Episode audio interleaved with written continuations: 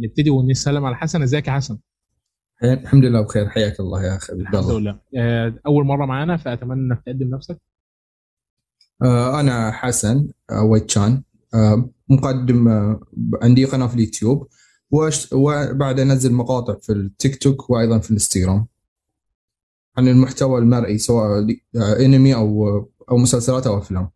ممتاز. هنسيب لكم حسابات حسن تحت في الوصف وعايزكم تدعموها بالاشتراك وتدخلوا على صفحته على الانستجرام فيها حاجات حلوة جدا. المهم نروح لعالم مارفل السينمائي مستعد؟ اي نعم. ممتاز. آه نبتدي بالمرحلة الرابعة ولا عايز تبتدي من الأول؟ آه خلينا نبتدي من الأول أول شيء. تمام نبتدي من الأول. آه عندنا ثلاثيه Iron Man عندنا ثلاث أف... أربع أفلام Avenger وعندنا فيلمين Captain America عندنا فيلم Black Widow وعندنا فيلمين the Thor نبتدي ب Iron Man واحد؟ اي نعم. تمام. أه. خلينا الأول نتكلم بس على إن عندنا ثلاث مراحل من عالم مارفل السينمائي. حاليا في المرحلة الرابعة والمرحلة الرابعة هي عبارة عن أفلام مسلسلات animation ومسلسلات live action فالمرحلة الرابعة هيبقى فيها كلام كتير فهنحاول إن إحنا في المرحلة الأولى والمرحلة الثانية والمرحلة الثالثة ناخد المهم ونتوقع على طول. تمام. the Iron Man. آه نعم Iron Man آه في البداية قدم لنا شخصية جيدة. آه الأحداث مثل ما شفنا إنها صارت من أجل بناء هذه الشخصية.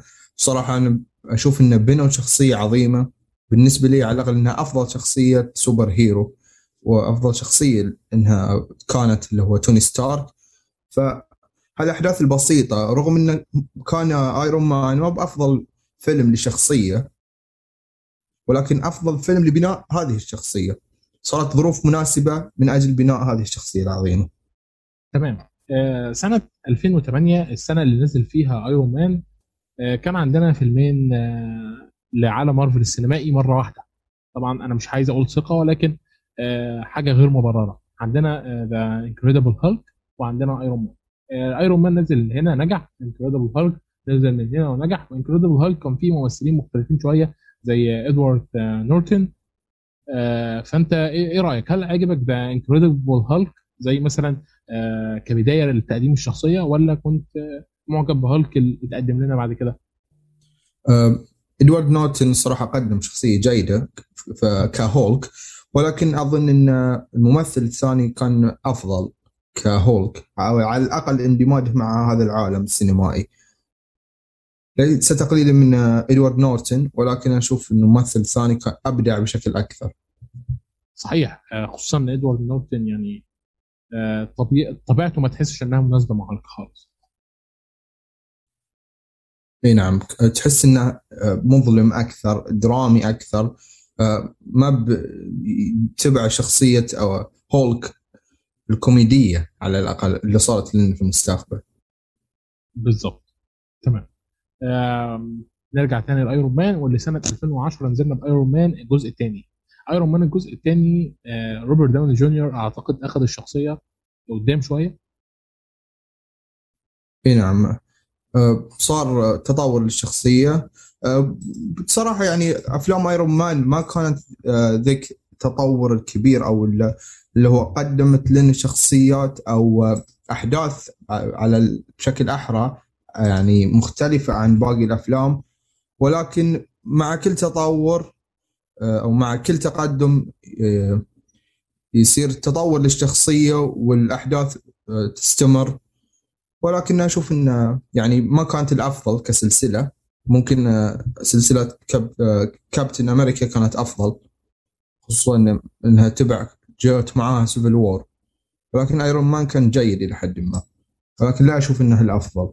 كسلسلة أو كثلاثية.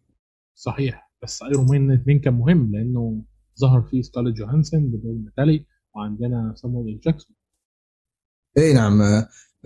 هو مثل ما قلت لك هو أهميته في التقدم ولكن كفيلم بحد ذاته ما كان الأفضل أو أو ما كان يعني. شفنا سكارلت جوهانسون بدور ناتاشا وطلع دون تشيدل اللي هو خذ كابتن الشخصيات الثانية وطلع سامويل جاكسون في نيك فيوري.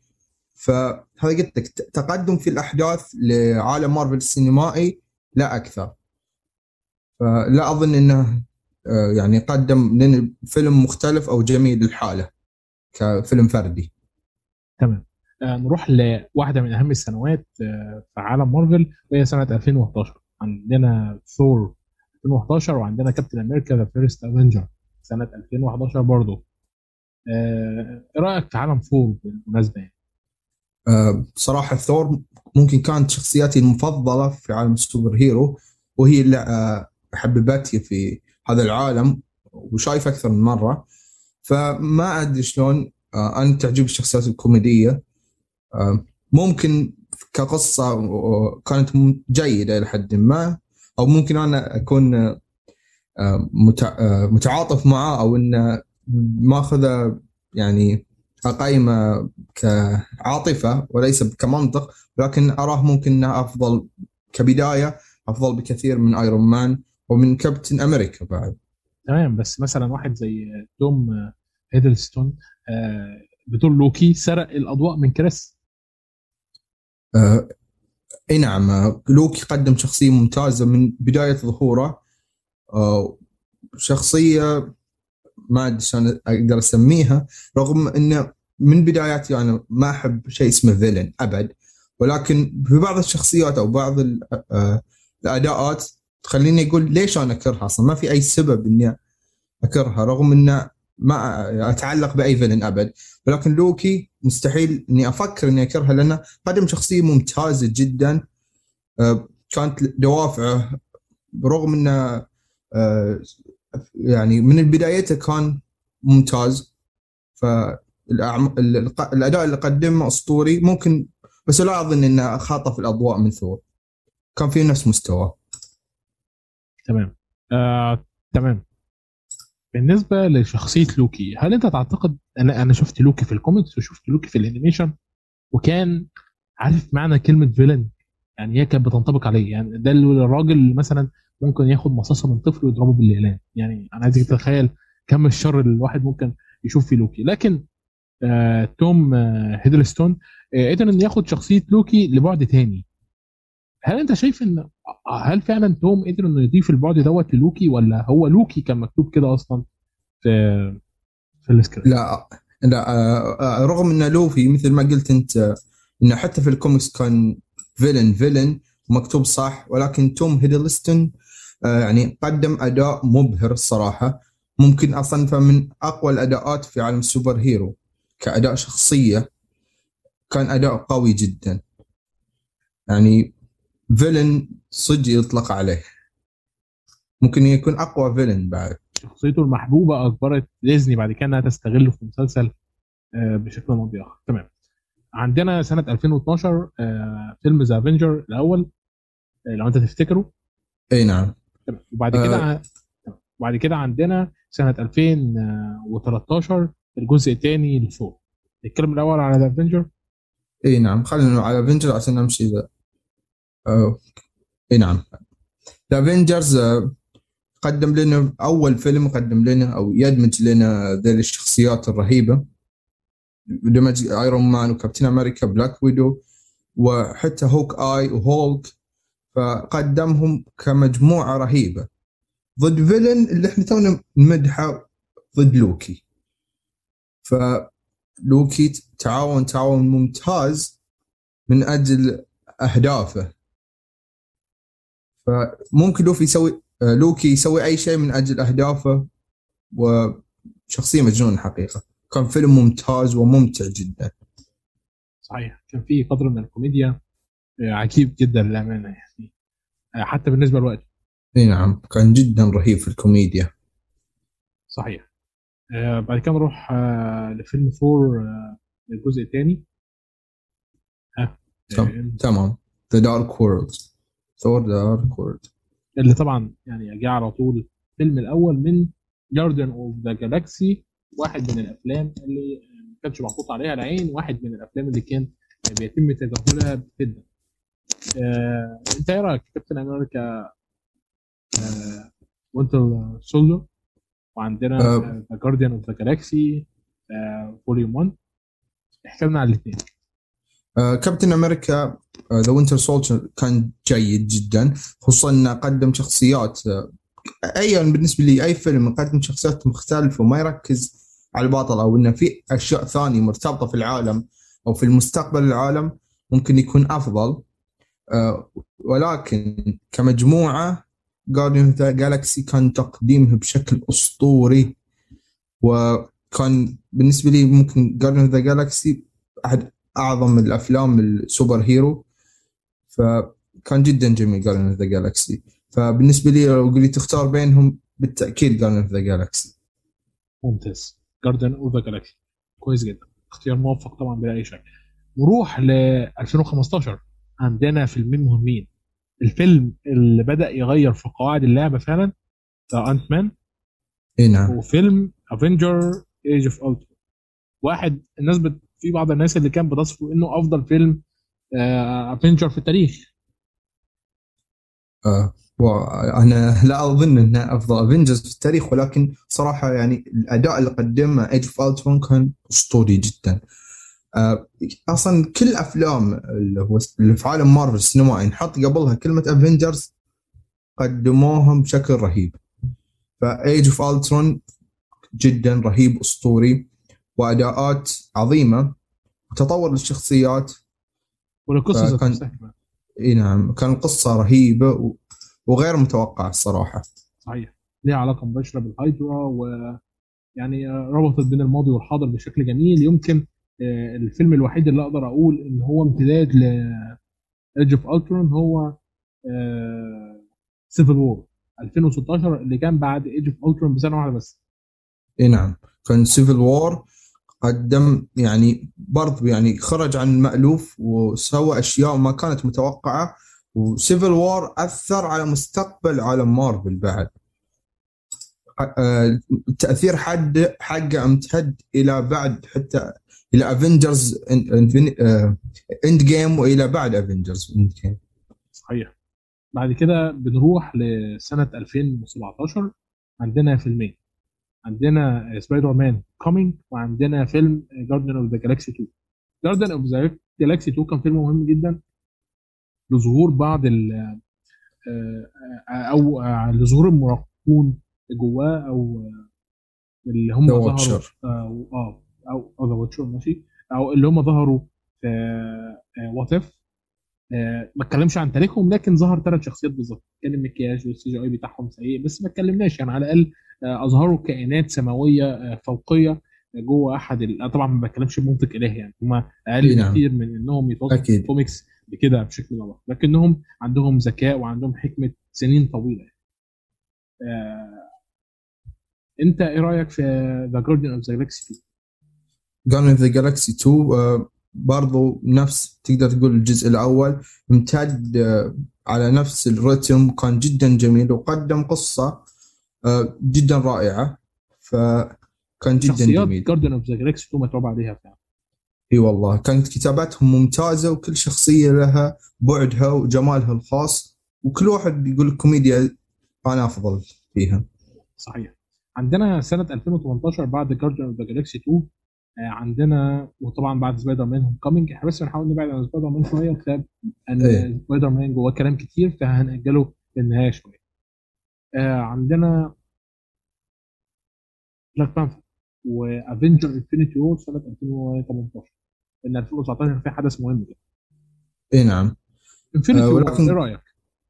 Infinity War قدم شيء غير متوقع وصار الشيء المستحيل ممكن أحد يتوقع إنه يصير.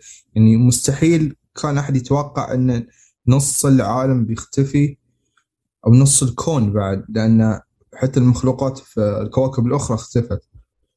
فصراحة يعني قدم لنا شرير يعني للتاريخ حرفيا. كان ثانوس شخصية رائعة رغم إن أنا ضد آه، الشيء اللي سواه ولكن أصفق له لأنه يستحق الاحترام على الشيء اللي سواه رغم إني ما أظن اللي سواه صحيح. ولكن تقدر تقول له وجهة نظر. لا طبعاً خاطئ. هي وجهة نظره آه، علميا خاطئة شوية لكنها آه، مقبولة عند الجماهير. بس إحنا حابين نتكلم شوية في Infinity War ونتكلم على المونتاج بشكل عام. الفيلم ده كان فيه مشاكل كبيرة في المونتاج. ولا أنت إيه رأيك؟ إي نعم. كان في مشاكل في المونتاج. ما كان المونتاج تحس إنه متعوب عليه أو إنه يعني تبع Avengers يعني يكفي إن الفيلم ما قبل النهاية. شلون ذا؟ تحس إن أكيد. Avengers Infinity War كان ممكن يتعامل فيلمين لوحده إي نعم. كان كان جدا ملغم ثقيل صحيح. يعني مثلا مشهد ثور بعد ما فوقوه في الفضاء وعرف إن أخوه كان زعلان كده. ما فيش اللف كده. هو دخل الأوضة الثانية كان بيضحك وبيهزر ولكن أي حاجة حصلت فكان في بعض العيوب كده جواه آه برضو إنهم كانوا عايزين يظلموا المشاهدين فقتلوا كام شخصية محبوبة كده في البداية. يعني آه ده بخلاف إن إحنا ما عرفناش مصير آه شعب ثور آه بين نعم. القتل وما بين إنهم خرجوا الفضاء كانوا رايحين ناحية الأرض. حاجات كتير اتشالت واتهضمت كده بحيث إن المشاهد يفهمها مع نفسه. نروح لواحد من أسوأ الأفلام اللي شفتها في حياتي في الأبطال الخارقين كابتن مارفل. كابتن مارفل 2019 حابب أعطي تنويه بس عن كابتن مارفل لأن كابتن مارفل في مشكلة واجهتني وأنا بتفرج عليه في البداية وحابب إن أنا أشارك يمكن حد تاني حس بالإحساس اللي أنا حسيته ده. Captain Marvel كان في مسلسل ممكن تتعرفه حسن اسمه Agents of the Shield تبع شبكة CBS تمام. Okay. عرفت عرفت. عرفته تمام. Agents of the Shield دوت في العميل فيل كولسون كلارك غريك. العميل دوت كان أنت تعرف إنه مرتبط بشكل مباشر بعالم مارفل صح؟ انت عارف ان نيك نعم. فيوري بنفسه ظهر في المسلسل ده. إي نعم. ما ما طلعت مسلسل بس عندي خلفية بسيطة بس. نعم من قصته وشيء أنا أنا كنت تابعت خمس مواسم أو أربع مواسم منه وقفت لأن أنا تعبت خلاص يعني. كان هو بدأت إيه يعني سنة كمان وهتتضيق من السوق اللي هم وصلوا له في الموسم الرابع كده. لكن كان في كام نجم كويسين جواه وماشيين الدنيا. المسلسل دوت كان بيوضح حاجات كتير عن عالم كابتن مارفل من قبل ما هي تظهر خصوصا إن كلارك زي ما أنت شايف كان هو عشان يتم إعادة إحيائه قرر اسمه إيه نيك فيوري إن هو يطعمه مادة زرقاء كده تعيد إحيائه تاني. أنت عارف الموضوع دوت ولا لأ؟ لا للأسف والله ما عندي عن خبرة أي شيء. تمام. للأسف. تمام.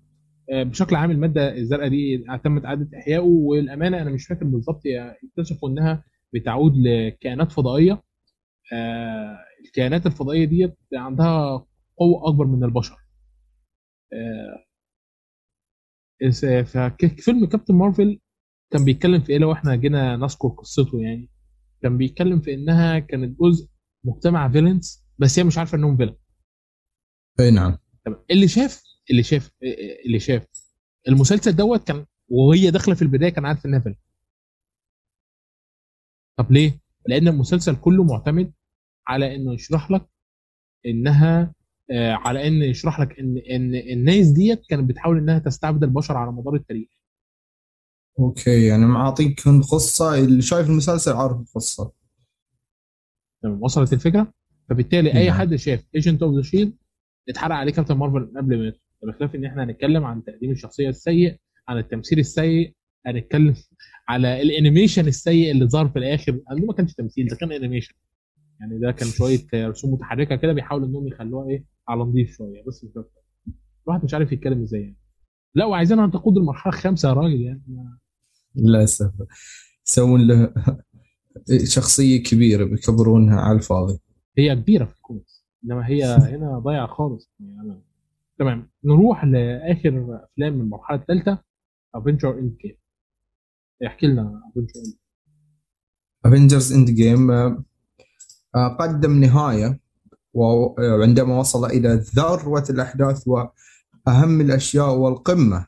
نعم إنها نهاية اللعبة. صراحة يعني كانت مار... كانت مارفل جريئة إنها تتخلص من شخصيات كبيرة. يعني تخلصت من Black Widow في ذا الفيلم. تخلصت من الأسطورة توني ستارك أو Iron Man عارف أنت أصل Black Widow كانت بتقبض كتير 40 مليون في الفيلم برضه مش قليل. نعم. ممكن هو صارت اللي, من أجل مادي من شيء مادي ولكن صراحة يعني شخصية Black Widow كانت جيدة جدا. وروبرت داوني و- جونيور بيستنزفهم من فيلم Iron Man 3 أنا فاكر اي بعد كل, كل ما يعني كبر اخذ فلوس أكثر.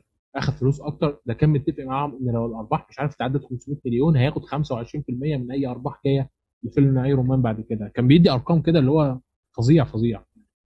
كان بيستغل نفسه. استنزفهم للأسف والله يعني. كنت كان ودي أشوف Iron Man زيادة. وبعد آه، حتى شخصية آه، كابتن أمريكا يعني في النهاية شفنا إن كريس, إيفنز خلاص انتهى أو صار شايب. ممكن حتى مات بعد. راح فيها آه يعني كان شايب بس أنا حابب أتكلم معاك في الحتة دي. هل أنت شايف أي خطأ موجود في فيلم Avenger Endgame؟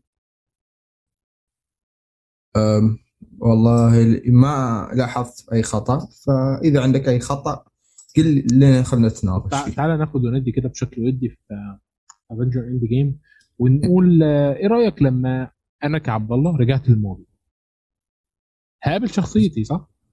اي نعم. آه أنا كعبد الله لما رجعت للماضي داخل الفيلم وقواعد الفيلم كنت إيه أنا لسه موجود في التلج صح؟ إيه إيه معه إيه موجود أنت في الثلج. كان هو موجود في التلج. هو عاش كابتن أمريكا لسه موجود في التلج موجود في التلج صح؟ اي نعم. هذا المفروض المفروض كابتن أمريكا اللي قدامنا اللي مات في النهاية مات خلاص. ده كابتن أمريكا اللي إحنا عارفينه رجع للماضي عشان يعيش حياته. إيه. تمام. هل كابتن أمريكا لسه في التلج؟ نعم. هل كابتن أمريكا لسه في التلج؟ من المفترض نعم. من المفترض نعم. حسب. أدي نقطة. النقطة الثانية. ثانوس 2014 انتقل بالزمن عشان يروح ل 2001 ل 2019 صح؟ اي نعم. تمام. هو مات في المستقبل. أوكي. تأثيره على الماضي راح ولا لا؟ مفروض آه، المفروض كان كل اللي حصل دوت ما حصلش. مفروض لأنه صح؟ ميت. إن هو لأنه مات في المستقبل خلاص فبالتالي اللي هو عمله في الماضي دوت ما تنفذ المفروض إذا مات في الماضي في المستقبل ما يتغير ما بالعكس. ف... ف... لأن هو هو إحنا بنتكلم على إن هو عدى خمس سنين خد بالك بعد Avenger Endgame فبالتالي إحنا بنتكلم على 2014 2015 2016 2017 2018 وبعد عندهم خمس سنين إحنا بنتكلم على حوالي 8 أو 9 سنين. 8 أو 9 سنين دول راحوا من حياة ثانوس. ثانوس مش موجود في الماضي خلاص اتقتل في المستقبل. تمام؟ وفي حاجات شخصيات كتير من الماضي اتغيرت لما رجعت المستقبل وشافت نفسها. تمام؟ فبالتالي تأثير ثانوس اتلغى. فبالتالي Avenger Infinity War كانت المفروض تتلغى انه مفروض يعني. صحيح؟ اي نعم. دي, دي, نقطة تانية. النقطة الثالثه آه كابتن أمريكا بما انه هو الشخص اللي كان آه ثور واثق إن هو يشيل المطرقه بتاعته مطرقته اتشالت صح ولا غلطان؟ آه، مطرقة ثور؟ اي شالها كابتن أمريكا. هل أنت شايف إن المشهد اتقدم بشكل صح؟ آه لا لأنه ما ما ندري على أي أساس قدر نشيل هالمطرقة. صحيح. آه نتكلم آه بالظبط يعني أنا مش عايز أتكلم أكتر بقى على مثلا السوبر آه super womans اللي ظهروا آه ورا سبايدر مان كشكل ستات خارقات يعني ودعم. يعني هنتجاهل كل اللي بيتقدم من اي نعم. آه، الصراحة يعني بالنسبة حق مطرقه ثور والت- والتفسير الوحيد اللي ظاهر لي إنك شلون إن كابتن أمريكا آه، شال المطرقة شيء شيء تقليدي كلاسيك ممكن أقول ممكن حق أطفال بعد إنه بقوة إرادته والأشياء اللي ما أدري شلون. وتعرف طيبة قلب لازم يخلون البطل أو الطيب هو اللي يقدر يسوي شيء غير متوقع أو مستحيل يصير. بالظبط. هي هي للاسف الفكرة. الفكرة عندي يعني إحنا تجاهلنا برضه قدرات دكتور سترينج بشكل كامل. ما عنديش أي مشكلة. أنت تجاهلته عشان تقدر تكمل القصة. بس لما تيجي تلعب لي في قوانين الزمن يا تشرحها لي جوه الفيلم يا ما تشرحها ليش هم قرروا. إنهم يقللوا الشرح جدا ويعتمدوا على إنهم هيغفلوا الجمهور اللي قدامهم وبعد كده هنبقى نشرح لكم في مسلسل لوكي هو إيه اللي حصل بالظبط. ما أدري إذا كانت شيء شيء ممتاز أو لا. هل ده شيء كمشاهد يرضيك؟ عن نفسي أنا يعني إذا قالوا يشرحون عن الزمن خصوصا شيء معقد ممكن ما بالكل يفهم خصوصا لا، مخلينا بي مش- جي مش- مش- 13 يعني بالعقل كده أمال أنت فاكر إن سي دبليو كان بتبني عالمها إزاي؟ يعني أنا وأنت عارفين إن ما يساوي عالم سبايدر مان الألف شخصية داخل آه، مارفل ذا فلاش فيه شخصيات كتير. انت عارف عالم ذا فلاش فيه شخصيات كتير ولا ليه ولا لا؟ آه، بسبه الزمن وكذا السرعة. آه، بسبب الزمن وكيفية صنع فلاش آه، من الآلة الضخمة اللي كانت اللي كان زيرو بيحاول يخلقها عشان يقدر إنه يرجع بالزمن يفتح بوابة زمنية يرجع للماضي تاني. أو أو يرجع للمستقبل تاني. انت عارف ال- النقطة دي؟ تمام؟ اي تمام. تمام.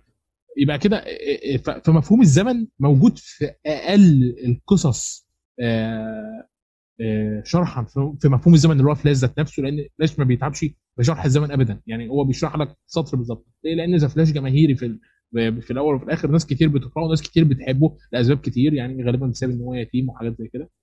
نعم. آه، ال- فبالتالي مش صعب ابدا إنها تشرح لي مفهوم الزمن في سطرين. هي ما عملتش كده. للأسف إنه معلش يعني إحنا لو جينا في مسلسل لوكي مسلسل لوكي ما محتاجش كام؟ ربع ساعة إنه يشرح مفهوم الزمن وهو واقف؟ اي نعم. فلوكي أبدعوا في هذه النقطة ان شرحوا قوانين الزمن والأشياء يعني وتفرعات. محتاجتش- محتاجتش الا 10 دقايق من حلقة واحدة في مسلسل من ست حلقات كل حلقة حوالي ساعة. وأنت من كنت مستخسر في مسلسل بالحجم دوت إنك تفسد متعة المشاهدة بهذا الشكل عشان ما تقولش ثلاث أربع سطور في مشهد كان ممكن يتعمل في خمس دقايق منه. ولكن الطريقة نفسها ممكن تكون تقدر تقول آه، يعني آه، يعني تقليدية فعشان كذا تجنبوا إنه يقولون لنا يعني كأنك يقول آه، تلقن المشاهد شلون الشيء ذا. فممكن ما يعرفوا شلون يجيبونه وقالوا نسحب على الشر. م- مو بمعنى سحبتهم أبد ولكن ممكن أظن كذا. هذا الشيء اللي صار. يعني ماشي ماشي. ليه لا؟ هي ممكن طبعا بلا أي شك آه سبايدر مان ولا واندا فيجن إيه رأيك؟ آه خلينا نبتدي واندا فيجن آه تعني لو هوم كامينج. سبايدر مان هوم هوم كامينج. نعم. تمام. سبايدر. مان هوم كومينج أنت إيه. إيه رأيك الأول في شخصية توم هولاند؟ بشكل عام؟ آه بصراحة توم هولاند أنا عاجبني كسبايدر مان وأشوفه مناسب آه رغم أن الكثير يختلف. ممكن بسبب تعلقه مع توبي ماجواير ولكن أو جا- آه أندرو جارفيلد ولكن آه ممكن أنا ناسي أفلام جدا السابقة فعشان كذا توم هولاند ما كانت عندي مشكلة أبد في التعامل معه أو أو في إعجابي لهذه الشخصية أو لهذا الممثل. فأظن أداءه كان جيد جدا. رغم إنه مثلا الفيلم اللي هو الهوم كامينج ما كان بذيك القوة ولكن كان لا بأس فيه. تمام. آه بس آه هو أنا عايز أسألك سؤال معلش وأنت قلت إن في ناس متعلقة بأندرو جارفيلد كسبايدر مان في فعلا؟ اي نعم في ولكن إن أكيد إنهم متعلقين بتوبي ماجواير أكثر ولكن في fans اندرو جارفيلد لكنهم متخفين. تمام. هم خليهم مختفيين يعني. آه حابب بس أشرح حاجة عن توم هولاند. توم هولاند آه أنت تابعت مسلسل سبايدر مان اللي كان في السبعينات والثمانينات؟ لا للأسف. تمام. آه كان في مسلسل تاني في التسعينات تابعته؟ لا المسلسلات آه، عن ال superhero بس تبعت الجدد ذولي تمام. هو كان. مسلسل animation بيشرح سبايدر مان إزاي وعلى هذا الأساس إحنا بنتعلم سبايدر مان سبايدر مان كان شاب ذكي من ال nerds اللي إحنا نقدر نقول عليهم بيلبس نظاره مش مقبول اجتماعيا بشكل عام مش أجمل شخص بالنسبة لمقاييس الجمال المتاحة في الوقت الحالي. فبالتالي كان بيتر باركر اللي إحنا عارفينه. توم هولاند بينافي كل دوت يعني الولا وسيم شبه آه، شبه الناس اللي كانت بتتنمر على سبايدر مان في الكوميكس أصلا. فبالتالي هو أي حد بيشوف الكوميكس أو أي حد متابع سبايدر مان سواء من توبي ماجواير أو حتى من آه، آه، أندرو فهيشوف توم هولاند هيقفل يعني هيجي له غصة كده في- في- في صوره كده اللي هو مش قابله مش بلعه مش حابه مش عايزه. لكن هو على الوسامة أظن حتى توبي ماجواير ما كان يعني شخصية تقدر تكون حتى توبي ماجواير وسيم يعتبر. تو- تو- توبي ماجواير آه طبعا بالنسبة للمقاييس طبعا توبي ماجواير وسيم ولكن بص له كان شخصيته مهزوزة لابس نظارة آه إيه. مش شبه العيال ال cool وقتها. nerd. ال nerd دي تخليه أصلا في قائمة المنبوذين للأبد يعني فاهم؟ بالضبط إيه. بالنسبة حق ذي حق ذي النقطة بالضبط كلامك صحيح. تمام. آه بالنسبة بقى لماري جين آه في أفلام سبايدر مان ماري جين دي اخذت جنب رموها كده. ما عندناش ماري جين في عالم توم هولاند. ما فيش إلا ماري جين جت مع مايكل كيتون اللي هو آه عامل النسر أو أدريان تومز. وبس خلاص يعني هي دي ماري جين اللي إحنا نعرفها.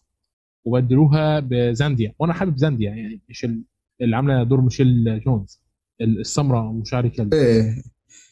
زانديا قدمت دور جيد وأنا ما أدري ليش يعني كالعادة من أول ظهور لزانديا أو الفيلم اللي فيه توم هولاند عارف إنه ما أدري ليش وما كنت على علاقة أبد مع سبايدر مان أو كنت قارئ للكوميكس. ومثل ما قلت لك أنا كنت ناسي المواسم السابقة فمن أول ما طاحت عيني عليها عرفت إن ذي في الأخير بتصير حبيبته والحركات التقليدية كالعادة. هي كمان أسلوب تمثيلها ممتع جدا. أنا أول مرة شفتها نعم. تقريبا في حياتي كانت آه، في فيلم ذا جريتست مان شو أعتقد قبل- كان ده كان قبل حتى ما أشوف سبايدر مان هوم كومينج يعني.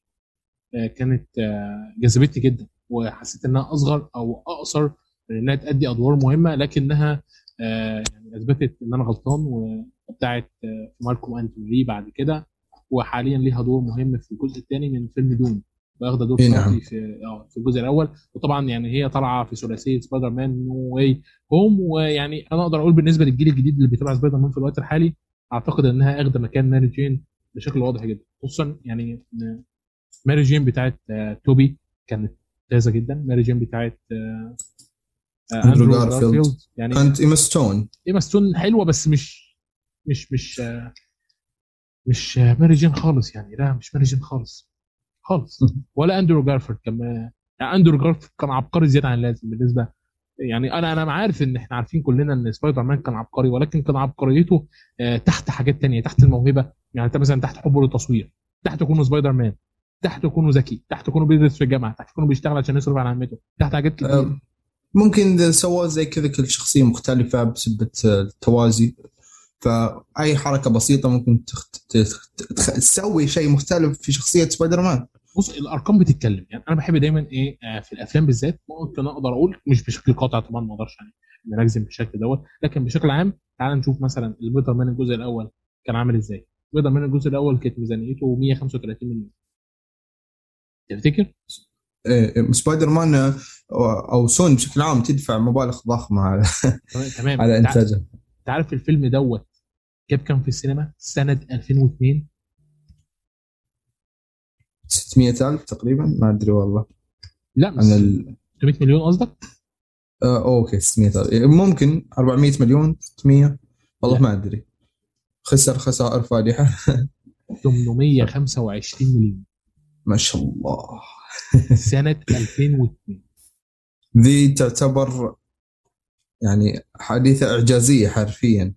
دي اللي خلت كل الشركات بعدها خلال السنتين اللي بعدها يتسابقوا على أنا هنزل Catwoman لا أنا هنزل The Defender لا أنا هنزل آه، فيلم الباتمان سنة 2005 سبايدر مان سنة 2002 هو كان بداية كل اللي أنت شايفه النهارده ده. يعني مش يعني اللي هو الشارع العام أو الناس معجبة أو أعجبت في superhero من بعده. صراحة برضو يعني سبايدر مان شخصية عظيمة. طب استنى خد نعم. الجزء الثالث اللي هو أفشل جزء في السلسلة. تبع من, من آراء جماهيرية طبعا. أقل تقييم إيه. وأقل كل حاجة. تفتكر ميزانيته كانت كام؟ 280 مليون كذا يعني. أعتقد إن دفاع مبالغ ميزانيته. كانت 258 مليون. تمام؟ قربت منه جا- جا- جاب كام في السينما؟ آه 500 600 مليون. لا. قل لك قل لي أكثر. 100 مليون دولار. ما شاء الله يا أخي. كلهم قريب المليار. كان مقرب من المليار سنة كام؟ سنة 2007 ذلي مبالغ تمام. تعالى بقى لأندرو جارفيلد سنة 2011 الفيلم اللي اتصرف عليه في أول افلام سبايدر مان كان ساعتها ذا لسه إيما Amazing سبايدر مان آه The Amazing سبايدر مان كان ساعتها لسه ستون إيه؟ شابة. وكان ساعتها لسه أندرو جارفيلد إيه شاب الاثنين ما ظهروش بشكل قوي الاثنين ما كانوش ممثلين اللي إحنا شايفينهم النهارده. اتصرف على الفيلم دوت 230 مليون دولار. عارف كام كان في السينما؟ كم؟ سبع- 757 مليون. الله من سبايدر مان The Amazing سبايدر مان اتصرف على الجزء الأول. صرف عليه أكتر من اللي اتصرف عليه سنة 2002 وجاب أقل منه في شباك التذاكر أه، شيء متوقع. أي شيء شخصية يعني أو سوى تغيير جذري فما ما بيجيب نفس النجاح ولكن جاب نجاح أسطوري يعني بالنسبة حق المبلغ اللي دفعوه مهما كان نفترض إنه مع دعاية واعلان 100 مليون فجاب الدبل شيء أسطوري يعتبر 600 مليون. ما فيش مشكلة بس جاب أقل من الجزء الأول. أكيد بيصير أقل من الجزء الأول. إذا غيرت شخصية رئيسية آه، شيء طبيعي إن الناس آه، يعني تنفر من الفيلم. بسيطة. أقول لك حاجة. انت شايفه ناجح بشكل انه جاب الدبل آه، هو جاب أكتر هو جاب حوالي ثلاث أربع اضعاف ثمن الجزء إيه نعم. الثاني الجزء الثاني كانت ميزانيته قال كانت ميزانيته 200 مليون بس. تمام؟ وكان عندهم ثقة إنه هينجح فحطوا في الآخر 10 دقائق كده عشان يطوروا الفيلم شوية ويحضروا لك للجزء الثاني والفيلم جاب 700 مليون آه، 710 في شباك التذاكر. تمام؟ تمام. من ميزانية 200 مليون. آه، سوني ما عملتش الجزء الثاني آه هذا الجزء الثاني 700 مليون. صحيح. يعني بس برضو يعني سوني تدفع مبالغ طائلة ما شاء الله يعني. حتى حتى الحين فينوم دفعوا له مبلغ وقدره يعني. يعني أنا بقول لك ده ده افلام سبايدر مان تعالى بقى نتكلم مثلا على آه اسمه إيه؟ فينوم الجزء الأول. آه فينوم الجزء الأول سنة 2018 صح؟ إيه نعم. تمام. فينوم الجزء الأول سنة 2018 آه أنا عايزك تتخيل سنة 2002 كانوا صارفين كام؟ كانوا صارفين آه قلنا 135 سنة 2011 إيه نعم. كانوا صارفين 230 فكله قريب ال 200 مليون وأكثر. تمام؟ يعني كله مع إيه؟ آه بالظبط ميزانية فينوم الجزء الأول كانت 110 بس. إي نعم. هذا ذي مع إنه يعتبر مبلغ ضخم ولكن الحين إحنا مع التطور. يعني إحنا وصلنا الحين 2018 نفترض إنه شلون يعني تب تدفع مبلغ أقل وتبي CGI خصوصا الفيلم يعتمد على ال CGI. على فكرة تبي آه، بالظبط هي شيء أسطوري. الفيلم يعتمد على ال CGI. هم آه، ال budget بتاعه كان 110 جاب لهم في شباك التذاكر 856 مليون. لا إله إلا الله. مع إنه الصراحه ما يستاهل يعني لو يعني صعب إنك تحدد رغبة الناس في دفع المبلغ على فيلم يستاهل ولكن ك ك اللي جاء أو اللي شفته داخل الفيلم يعني لو تقول ذا حقق 800 مليون من يتوقع بالشيء؟ تمام. على ال الج- الجزء الثاني تفتكر ميزانيته كانت كام؟ 150 لا كانت 160 110 برضه. بعد 110 تمام آه بعد. في عز أزمة كورونا اللي إحنا فيها دي في عز ما لسه السينمات كلها ما, بت... ما بتحطش اللي هو التوزيع افلام الأجنبي مضرور لحد النهارده؟ تمام؟ تفتكر جاب لهم كام في السينما؟ آه إلى الآن أتوقع 600 مليون. 400 مليون. okay أنا شايفه 400 ولكن زدت 200 مليون لأنه ما شاء الله كان يرتفع. تمام. هو على فكرة كويس. أنتوا عندكم مثلا في السعودية آه لما فينوم نزل ما كانوش متوقعين ينجح. بعدها بأسبوعين كانت سينمات السعودية كلها بتعرض فينوم. اي نعم. فينوم ما كان آه، الناس يعني كانت مدحه عشان كذا حتى أنا كنت ما, ما كنت ناوي أروح السينما لكن الحمد لله رحت السينما واستمتعت. بالظبط ورغ- ورغم كده ال CGI كان سيء. اي نعم. بأس... عايز. الأمانة بالنسبة للفيلم مصروف عليه 110 ال CGI كان سيء. اي يعني 100 مليون ده شيء ضخم. بس بالظبط برضه يعني هاليومين تحس 100 مليون آه، شوي يعني مع ما يغركش ما يغركش المبالغ اللي بتدفعها آه، ديزني آه، شركات زي سوني على أفلامها شركات زي مارفل على أفلامها شركات زي دي سي على أفلامها. فيلم هديك مثال مثلا هديك مثال. إيه؟ فيلم جوكر. بتاع فيلم جوكر. فيلم جوكر إيه. ال CGI فيه قليل يعني بما إنه معظمه كان تصوير خارجي وتصوير استوديو. اي كان نعم. بيتكلف 30 مليون. 30 مليون. يا له من مبلغ بسيط يعتبر في عالم بسيط؟ السينما. بسيط جدا. إي والله. ده ده في يعني ده ميزانيات الأفلام المستقلة يعني تقريبا نص المبلغ ده. ذا الفيلم ذا المبلغ يدفع حق ديكابريو أو أي, أو أي ممثل ثاني لحاله بس. ده ده, ده حقيقي فعلا. ده ده لو أنت قدمت ال 30 مليون ده مثلا لواحد زي داون جونسون النهارده ما يرضاش ياخدهم يعمل فيلم. إي والله. ما ما يطلع معك 10 ثواني أصلا. ورغم كده سل- معدي مليار دولار أرباح. الفيلم الوحيد أعلى فيلم في تاريخ تصنيف R جايب اربعه لا إله إلا الله. يا أخي لو والله ابداع الصراحه يعني واخد عليه أوسكار. إيه خواكين فينيكس كان تحفة حرفيا. هو الواحد الواحد مش عايز إن هو يصدمهم باللي هم بيعملوه لكنهم يقدروا. كمثال مثلا كمثال عشان تعرف برضو إن 110 مليون كتير. إيه رأيك في فيلم تشانغ شي و the Legend of 10 Rings بعد شفته السينما وصراحة كان إبداع جدا جدا. كان يعني مازج لك اللي هو الفنون القتالية والخيال العلمي. هذا الخيال العلمي CGI فكان ال CGI مبهر الصراحه ممتاز. آه تفتكر الفيلم دوت كان الميزانية بتاعته كام؟ مثلا 120 مليون. أنا ما شفت والله ميزانية حقته جرب كده تدور. عليها. يعني جرب دقيقة بس تدور عليها. خليك فاكر إن فينوم مصروف عليه كام؟ 110 أوكي. بص هو كده عارف أنت اللي هو إيه أنت هتنط في الناس يعني. أوكي. the box office كم مصروف عليه هو؟ وينه؟ ما أدري ليش ما طلع. مفيش مشكلة هو من الصعب إنك توصل لحاجات زي كده.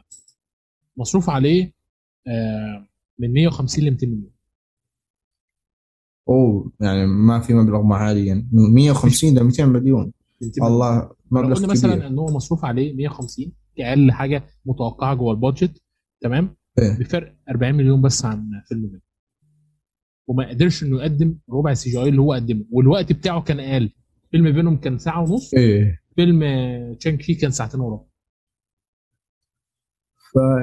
يعني ما- ما قدرش- المبلغ يعتبر هو يعتبر فيلم لو قلنا إن ساعة ونص من فيلم تشانج شي و and Legend of the 10 Rings ساعة ونص منه أرخص من فينوم. رغم إن ال CGI بتاعه يضربه. تصميم الشخصية إيه هو. شوف اي نعم هو على حسب وين تصرف المبلغ. والسؤال هل انت تبي تدفع المبلغ عشان هل تبي تطلع تحفة بكامل المقاييس خصوصا من ناحية CGI ولا بس تبي تربح فلوس؟ طب إذا أنت عارف إنك بتربح بترفع ما فرقت كثير يعني ممكن. صحيح. طب بسيطة. خد دي. مين اللي كان بيخاطر أكتر؟ شركة آه، سوني آه، من استوديوها كولومبيا. آه، في إنها تنزل فينوم في الوقت من من شهرين بس ولا إيه. ولا مارفل وهي بتنزل تشانج شي من ثلاث أربع شهور. آه، أظن شانكشي خصوصا انه بعد خساراتهم آه، من فيلم اللي هو Black Widow فشانكشي مخاطرة أكبر. شفت إزاي؟ بس هي هي الموضوع كله إيه النوعية اللي. بتقدمها؟ رغم تعاون سوني مع مارفل إلا إنها ما اتعلمتش منها حاجة. وتفضل طول عمر مشكلة سوني. أنا مش عارف إيه هي مش أنا يعني أنا حاسس إن ساعات بحس إن ساعات المشكلة ليها علاقة بالفساد. جوه شركة سوني استديوهاتها إزاي؟ بس أنا مش مش عايز أتكلم. إي والله. سوني ممكن بعد نجاحاتها السابقة قامت يعني تقدر تقول انه خلاص أنا بجيب مبالغ بالمئات الملايين فما أحتاج إني أدفع أكثر. جاي جاي. فممكن هذا أحد الأسباب على الأقل. آه. أوكي آه. وقفنا لحد فين تاني سبايدر مان آه. Spider-Man Far From Home Far From Home تمام Spider-Man Far From Home يعني آه، جيك آه، جيلنهال يعني ممثل كويس جدا على إنه يجي في عالم مارفل ولا أنت إيه؟ اي نعم كان ممثل مم... هو ممثل ممتاز خا- خارج هذا العالم انت عارف إن ميستيريو اللي جه في Far From Home كان المفروض يبقى الشرير في الجزء الرابع من آه، من سبايدر مان توبي ماجواير أوه. والله ما أتوقع ما تخيلت أصلا إنه بيكون يعني ذي الشرير. يعني صراحة ما كان شرير بمستوى أصلا. ما أقدر حتى أطلق عليه شرير على حسب اللي ظهر في Far From Home على الأقل. يعني بس أنا بعيد عنك بكره جيك. تكره جيك جيلنهال آه. آه عليه. طريقة تمثيله ما بتمثلش نزول والله مستغرب أنا جدا لأن ممثلين محبوبين. أنا عارف إن الممثلين محبوبين بالنسبة للجيل دوت في الوقت الحالي. بس الامانه يعني أنا ما شفتلوش حاجة تأكد لي كده بأي شكل من الأشكال. أي حاجة بيقدمها دايما بتبقى قليلة مش كتير. ممكن. وجهة نظر. آه تمام. أنت كنت شايف إن ميستيريو أصلا ك villain كويس؟ آه على حسب اللي ظهر آه Far From Home كان جدا سيء. يعني آه يعني ما بس مجرد بناء مثل ما قلت لك بعض الأشياء أحس إنه ما لها داعي. بس مجرد بناء مثلا هذا الشيء عشان آه، دكتور سترينج يسوي التعويذة ويحاول ينقذ توم هولاند أو يحاول ينقذ سبايدر مان ف إذا كان زي كذا نتقبله أو نمشيه أصلا. أنا ما أشوفه كان شخصية ممتازة أبد أو حتى جيدة. من أسوأ ال villains كان على الأقل. أو عندك رأي ثاني؟ لا لا بالعكس أنا متفق معاك من اسوأ الفيلنز أنا أصلا ما بحبش الممثل مستني كل فرصة. إن أنا هجمه في اي لحظة من اللحظات. صدقني مش هجيب رأيي أكتر من رأيك في الوقت الحالي. حابب أقول لك إن ميزانية الفيلم دوت كانت 160 مليون. وحقق مبالغ ضخمة. آه سوني ما. بتتعلمش ابدا من مارفل. وحتى لما جيت تعاونت معاها تعاونت معاها من منطق أنت محتاجة عالم سبايدر مان اللي فيه 1000 شخصية وأنا مش محتاجة عالم مارفل اللي ناجح وهينجح بينهم وحاجات زي كده يعني. للأسف. آه. فيلم سبايدر مان Far From Home جاب في السينما مليار و132 مليون. لا إله إلا الله يا عفو الله. مليار. و132 مليون. مليار. 160 130 مليون. 60 بعد. 160 أنا- مليون ميزانيه هذا مليار 132 مليون. مليون. لا إله إلا الله المبالغ الضخمة مع إنه كان يعني ما من أفضل الأفلام. أجل الجايزه إيش بيسوي؟ بي- بيح- بيحطم حاجز أفاتار وش اسمه Endgame وتيتانيك وطقت لا إله إلا الله إيش ذا؟ لأن الأفلام مقدمة حاجة كويسة مقدمة زانديا محبوبه الشباب في الوقت الحالي مقدمة شخصية نعم. مساعدة زي آه، جيكوب باتون مقدمة شخصية توم هولاند بشكل أو بآخر فاهم مرتبة نعم. آه يعني. بالظبط وأنا سامويل جاكسون يعني من الممثلين اللي يعجبوني. بس صراحة شخصيته في في عالم مارفل رغم إنها ما كانت رئيسية أبد يجي قليل ولكن معجب بشخصيته معجب بتمثيله جاك سامويل جاكسون. هو للامانه أنا يعني كنت قاعد في السينما كل ما كان بيظهر جيك على الشاشة كنت بتقفل افلاطين الولد دوت بجد والله يعني ما كانش تعب نفسه بأي جهد من الأشكال في انه يمثل الشخصيه اللي كان بيمثلها.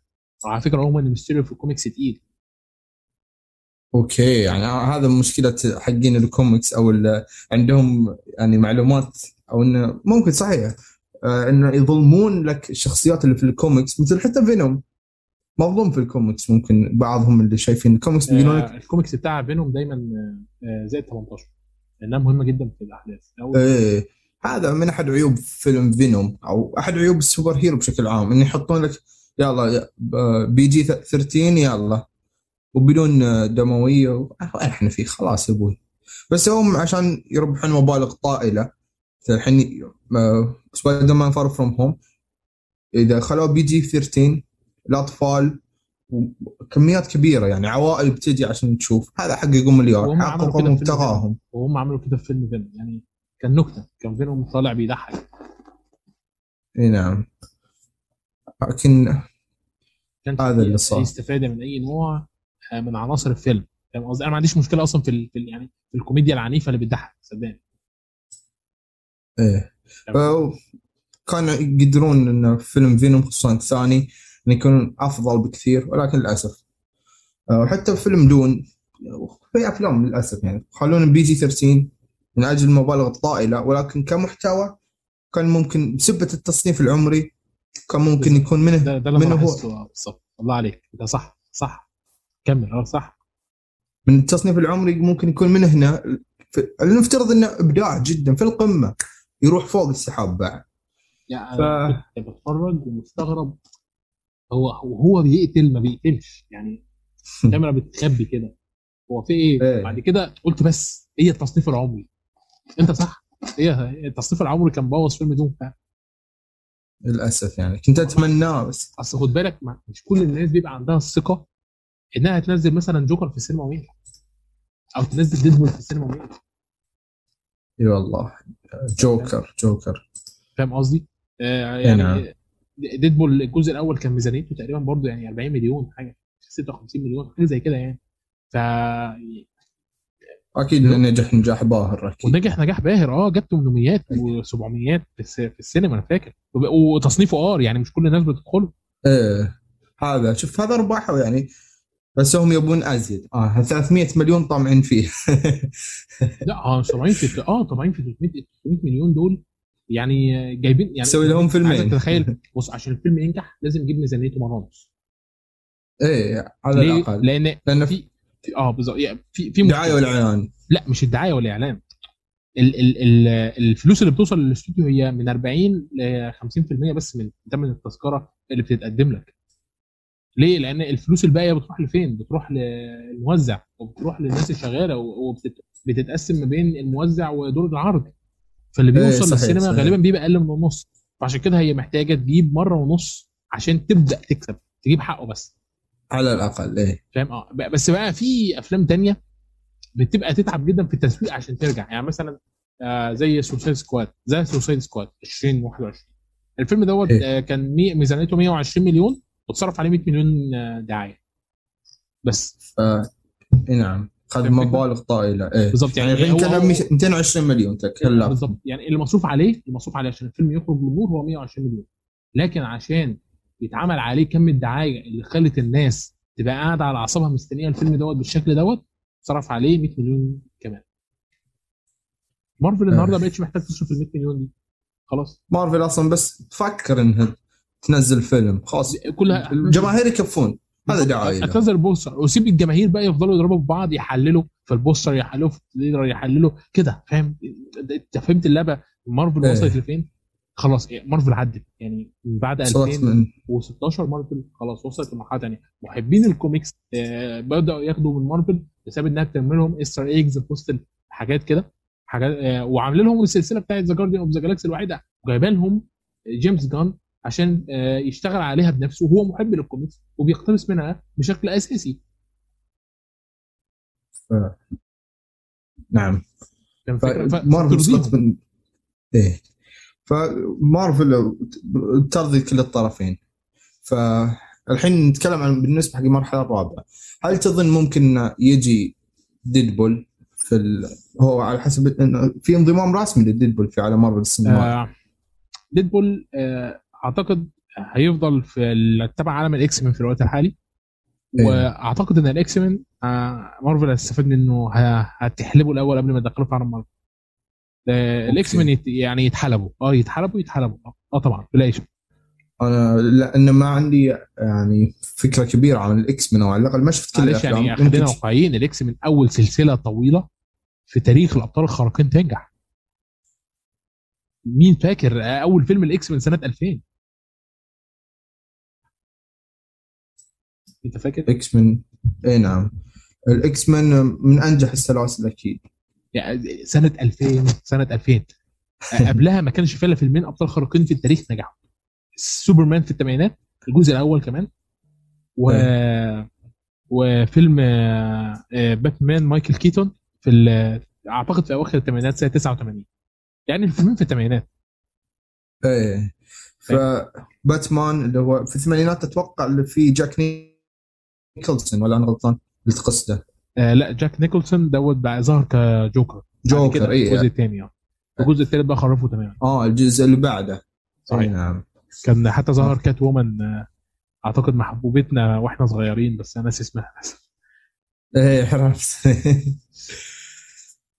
آه. آه، آه بص آه المرحلة الرابعة من آه أنت شفت الأول شفت شانغ شي صح؟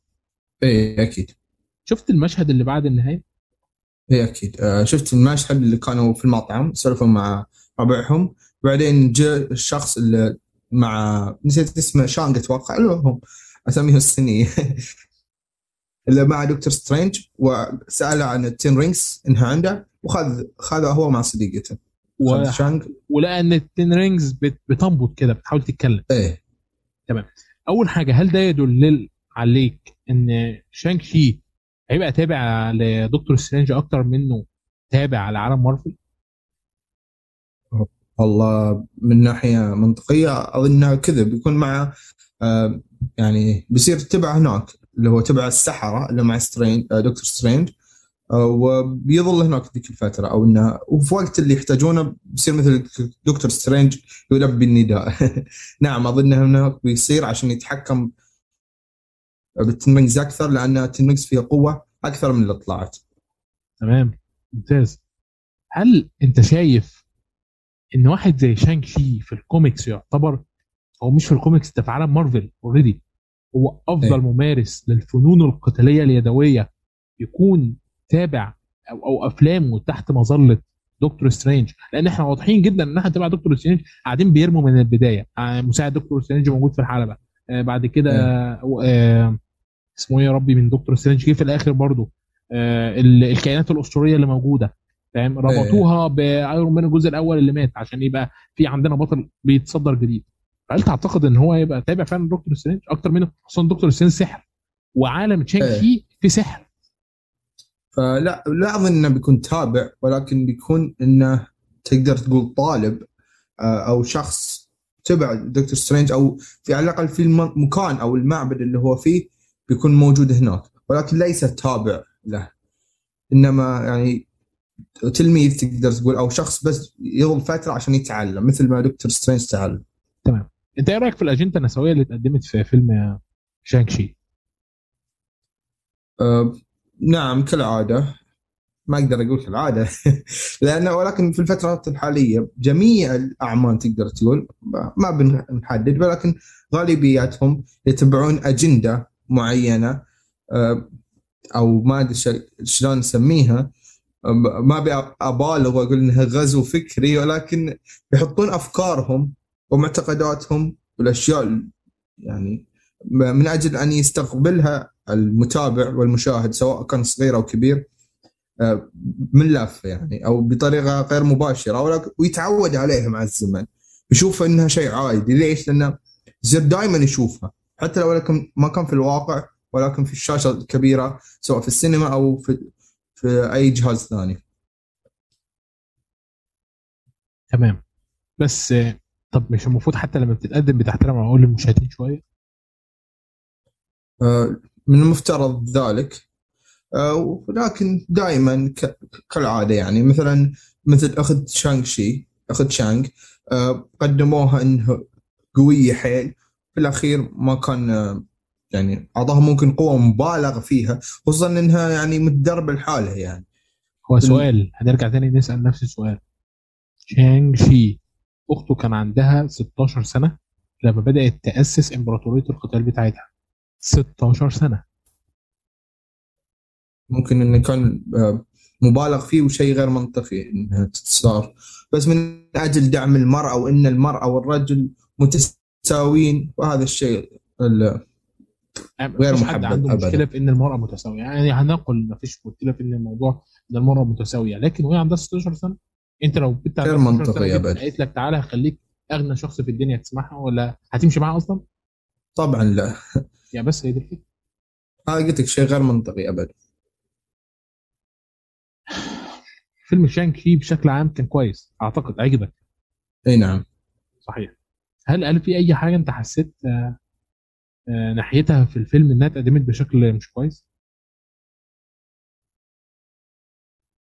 آه، ما ادري شلون أعبر لك عن الشيء ولكن يعني في بعض اللقطات مثلا صديقة البطلة ذيك اللي معه من البداية آه، كده. الكوميدية اي كاتي نعم كاتي كانت أبد يعني زي أي شخص عادي. مثلا آه، شانغ كان عنده جينات.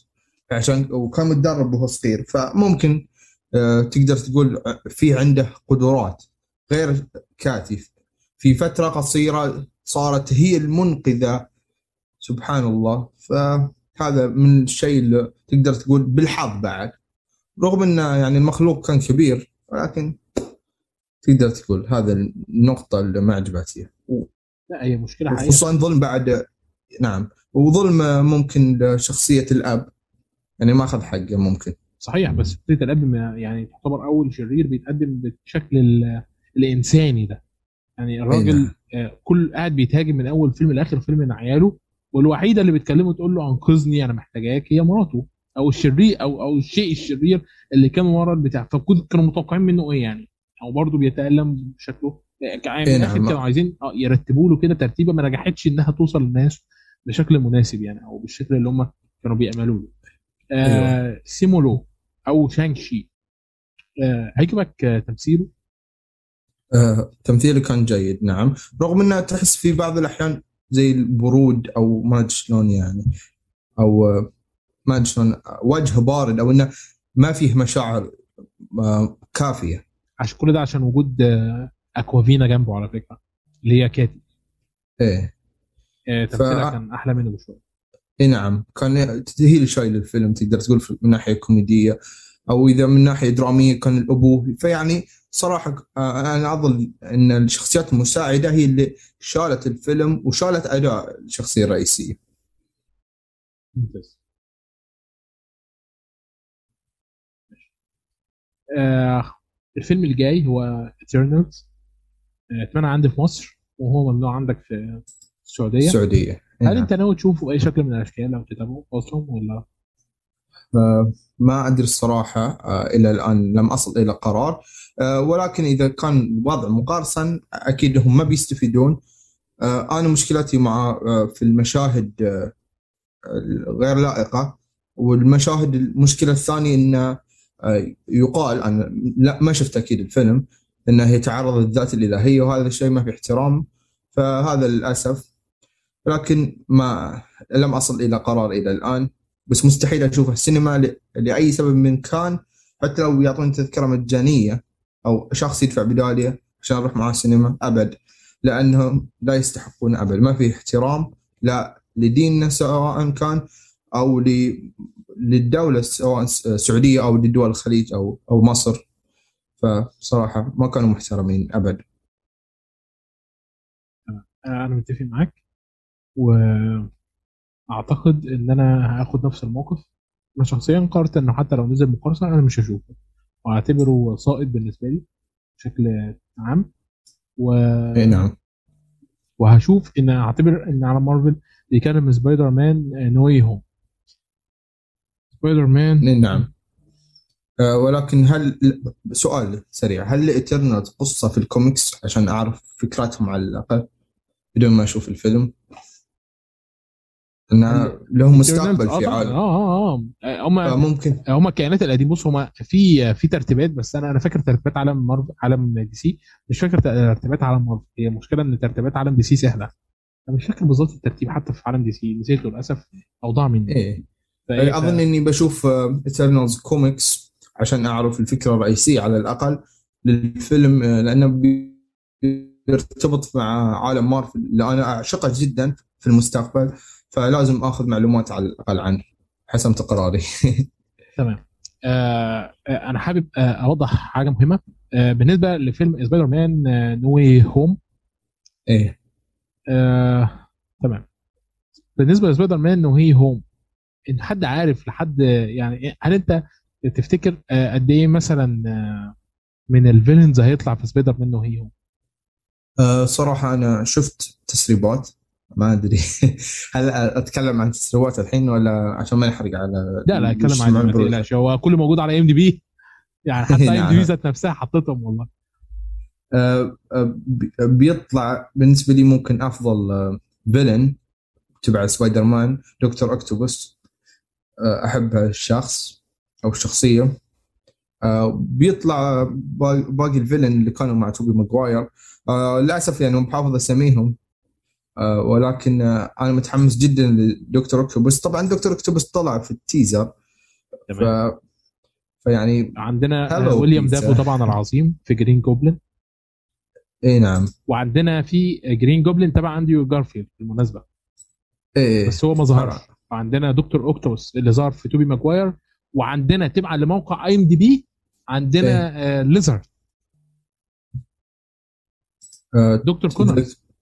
اللي كان مع آه، أندرو جارفيلد في جزء الأ- في The Amazing Spider-Man إيه. عرفت عرفت. شفت شفت أنا صورته طبعا. صحيح. عندنا برضو آه، آه، فلينت ماركو اللي هو Sandman د- كل كله تبع التسريبات تقريبا أغلب اللي هو أبعت. لك هبعت لك آه، موقع IMDb عشان تشوف. نعم. جيمي فوكس جاي في Electro. آه إيه. ريس آه إيفنز جاي في Lizard ألفريد آه مولينو جاي في دكتور آه اوكتوبوس تمام؟ آه توماس آه إيه. هيدن آه كراش جاي في دور Sandman اي هم ما قصروا. حتى جيمي فوكس حطوا صورته لولا إنه حتى كل شيء كل شيء. Sandman كل الشخصيات يحرقوهم. في في اللي هو الصور. آه فبالتالي هم حطوا يعني بس لحد النهارده الناس القليلة اللي غير اللي غير مؤكد ظهورها هم توبي واندرو أندرو. جارفيلد. بالنسبة الحين بالغالب إنه بيجمعون الأشرار. هل تظن إلى الآن يعني موجودين أشرار كثير؟ والأبطال اللي هو سبايدر مان توم هولاند ودكتور سترينج.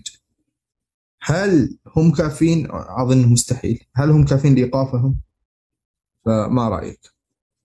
لا طبعا. يعني خالص خالص. فيعني انت تظن إنه بيطلعون ثلاث سبايدر مان أندرو جارفيلد و بص هقول لك ثم- حاجة أنا أنا أنا قلتها قبل كده. لو أندرو وبيتر باركر ما طلعوش فعلا في الفيلم بعد كل التكهنات دي يبقى دي سي كانت بوظوهم عشان الفيلم دوت هياخد اسوء تقييم في عالم مارفل. وهيفشل في هذا مشكلات يعني مع الفيلم إن الناس رافعه أعمالهم بشكل كبير فممكن يفشل حتى لأنه سهل إنه انه ينحرق على العالم فيقولون لك ما طلع توبي ماجواير خلاص. كمية كبيرة من الناس ما بتروح. ولكن أظن الفيلم حتى لو ما طلع في توقع آه، قراته يقول لك ممكن ممكن إن آه، بيطلع ثلاث سبايدر مان ولكن ثلاث سبايدر مان كلهم يمثلهم هو توم هولاند يعني. الشخصيات كلهم توم هولاند.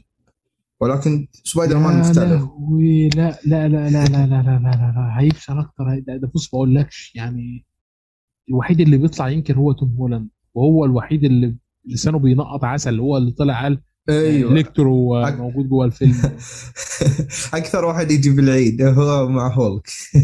هي الفكرة بس إن إحنا عايزين الماري جينز يظهروا انا إحنا عارفين كويس دلوقتي ان إن ماري جين بتاعت أندرو جارفيلد اللي هي آه إيما ستون غالية جدا على إنها تتجاب في فيلم صعبة مخلف أصلا زي. آه يعني هي مش هتظهر خلاص. ده كانت بتعمل كده أيام شبابها مش هتعمل كده إيه. دلوقتي. إحنا متفاهمين لحد ما. لكن سبايدر مان توبي إحنا عايزين ماري جين بتاعته. ماري جين كانت يعني متعلقين بيها جدا أو بشكل شخصي أنا وأصدقائي. يعني متعلقين بال- بالثلاثية دي جدا لدرجة إن أول فيلمين من سبايدر مان بنعتبرهم واحد من أفضل أفلام آه، السوبر آه، heroes في التاريخ. يعني الفيلمين أكيد. مظبوطين. واحد آه، بيكتشف قوته في الفيلم الأول وبيستخدمها في الفيلم الثاني كانت رحلة إيمان و- ويقين وعاده استكشاف ذات.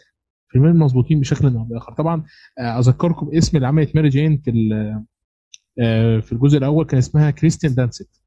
طبعا Yes, كريستين yes. يعني في أيامنا كانت دلوقتي كبرت خلاص في السن. حتى لما ظهرت في فيلم The Power of the Dog اللي نزل من نتفليكس آه، السنة دي. شايبة صارت. آه، يعني يعني آه آه كبرت كبرت للأسف. مش هي دي اللي كانت موجودة سنه 2002 وبتحس الواحد إنه كبر كمان. يعني للأسف والله رغم إن الواحد مش نعم. كبير قوي للدرجة. إي والله. آه، حتى حتى توم هولاند آه، آه، أقصد توبي ماجواير يعني كبير كبير في السن. تحس إنه شلون كذا بسرعة كبر. أصل يعني أنت عارف كريستين دانست دي مواليد الثمانينات يعني هي عندها دلوقتي 40 سنة. يعني بس اختلفت؟ بسرعة قوي. توبي ماجواير بقى على خلافها مواليد السبعينات. ولا ذي المفروض تمثل في ال Godfather آه والله يعني يعني ده ده فعلا. يعني ده عنده حوالي 45 سنة 46 سنة حاجة كده يعني. أنا صحيح استغربت من عمر توبي ماجواير يعني يوم شيكت قبل فترة يعني صدق صدمه ويعتبر لسه صغير بعمر الممثلين. إيه بس نعم. هو مشكلته إن هو شغال ورا الكاميرا أكتر إن هو فرحان بنفسه كده. يعني مثلا آه، آه، كان في فيلم عمله البطل الشطرنج كان هو واحد من المنتجين بتوع الفيلم وكان هو البطل الرئيسي بتاعه. كان عنده فيلم كده سنة 2011 عجبني جدا اسمه The Details كان عاجبني برضه. مثل في Brothers بعد 2009 توبي 2009 ماجواير بس ما شفتوش للأسف. إي نعم. شفته في فيلم This Boy's Life أيام ما كان صغير. كان فظيع. آه فالواحد زعلان بس على الممثلين. أنا شفت The Great Gatsby طبعا شخصية سبايدر مان بتاعته يعني والله كنت سنة كمان وتحس إن آه، اسمه إيه، بيتر باركر موجود في The Great Gatsby ولكن يعني تمثيله كان حلو. هو وليوناردو عندهم كيمياء. بنت كلب يعني. إيه إيه تحس انه يعني تقريبا ما في فرق كبير بينه وبين ليوناردو. مستغرب تحس ليوناردو أكبر. ليوناردو مش أكبر ليوناردو ليوناردو تقيل ليوناردو ممثل ممثل يعني. اللي هو من آه هو. آخر آه يعني هو آخر ممثلين اللي بيستخدموا أدوار التقمص. الفكرة خلاص يعني هو بعد اعتزال آه، دانيال داي لويس ما بيبقاش غير ليوناردو دي كابريو في العالم. وطبعا خلاص كده بقى. بقية الممثلين اللي زيه مثلا زي الباتشينو وغيره بدأوا يكبروا في السن والموضوع بالنسبة لهم بدأ آه، ينتهي صحيح. للأسف يعني. كنت أتمنى نحصل على جرعة من الباتشينو أو غيره سواء روبرت دينيرو أو آه نرجع نكمل عن المسلسلات. هو ما بقاش إلا المسلسلات. حاجات بسيطة قوي يعني. اي نعم. واندا فيجن اي واندا فيجن The Winter Soldier The Falcon The Winter Soldier ولوكي لوكي تكلمنا عنه تقريبا. تمام. آه عندنا كان اسمه The Winter Soldier ولا فالكون عن حاجة؟ The Falcon and Winter Soldier اسمه. آه تمام. The Falcon آه الفيلم ده المسلسل ده على قد ما تم انتقاده من الناس على قد ما أنا شايف إنه مهم جدا لأنه مسلسل شعبي. يعني إيه مسلسل شعبي؟ آه يعني مسلسل بيظهر الحالة العامة للناس كمثال مثلا كمثال. ال- ظهور البنك كأداة متوحشة لكن الموظف ملوش حيلة. مهم جدا. عدم احترام الأبطال الخارقين من قبل المؤسسات مهم جدا. آه نعم. فكرة العنصرية ضد السود وإنه راح جاب بطل أبيض لمجرد إن هو آه شبيه آه تبع الخوارزميات بتاعة الكمبيوتر بكابتن أمريكا من ال- البطولة والأداء وإلى آخره وعمل نفس التصرفات بتاعته كمان. ده مش دليل. مش كل واحد هيتصرف شبه كابتن أمريكا هي هو كابتن أمريكا. بالضبط. فكان مهم جدا أمريكا. خصوصا كمان إن في النهاية كده في نهاية الفيلم كان في حاجة ليها علاقة بإيه؟ فيلم فيلم فالكون الجاي إي نعم. آم، صراحة من ممكن ممكن لا. إن The Falcon The Winter Soldier رغم انه كان جيد ومهم جدا يعني بيكفي قصته يعني إنه بعد بناء الحكومات بعد تقريبا هو بين Avengers Endgame Infinity War Endgame تقريبا خذوا سنة أو سنتين على ما ما رجعوا عدلوا العالم.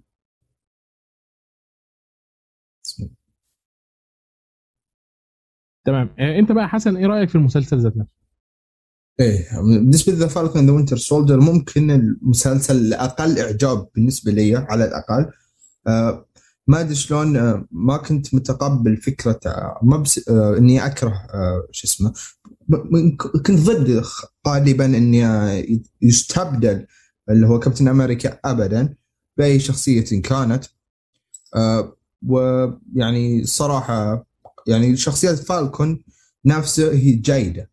شخصية آه، اللي هو ال Winter Soldier جيدة ولكن أي شخصية تستبدل مكان كاب أو كابتن أمريكا سيء جدا. والبديل اللي اختاروهم بدال سام كان أسوأ. بالنسبة لي أسوأ شخصية في عالم مارفل ممكن. طريقه لهالدرجة. تمثيله تقيلة قوي قوي نعم كان كان من شخصية شخصية نرفز. ما صراحة صراحة جدا جدا ما عجبني. ولكن ممكن ممكن بأي طريقة كانت كانت إضافة ما أدري شلون إضافة بس استفزتني بطريقة غريبة يعني. مرة است- أستفز هكذا في هذا العالم. والأحداث كانت جيدة آه، وخصوصا أن الأحداث أو قصة العمل أن بعد آه، بعد Infinity War ظلوا فترة معينة وتتكونت حكومة جديدة وأشياء أخرى وفجأة يرجع نص العالم فبيكون آه، بيكون صراع من أجل السلطة وكل واحد يبي يحكم.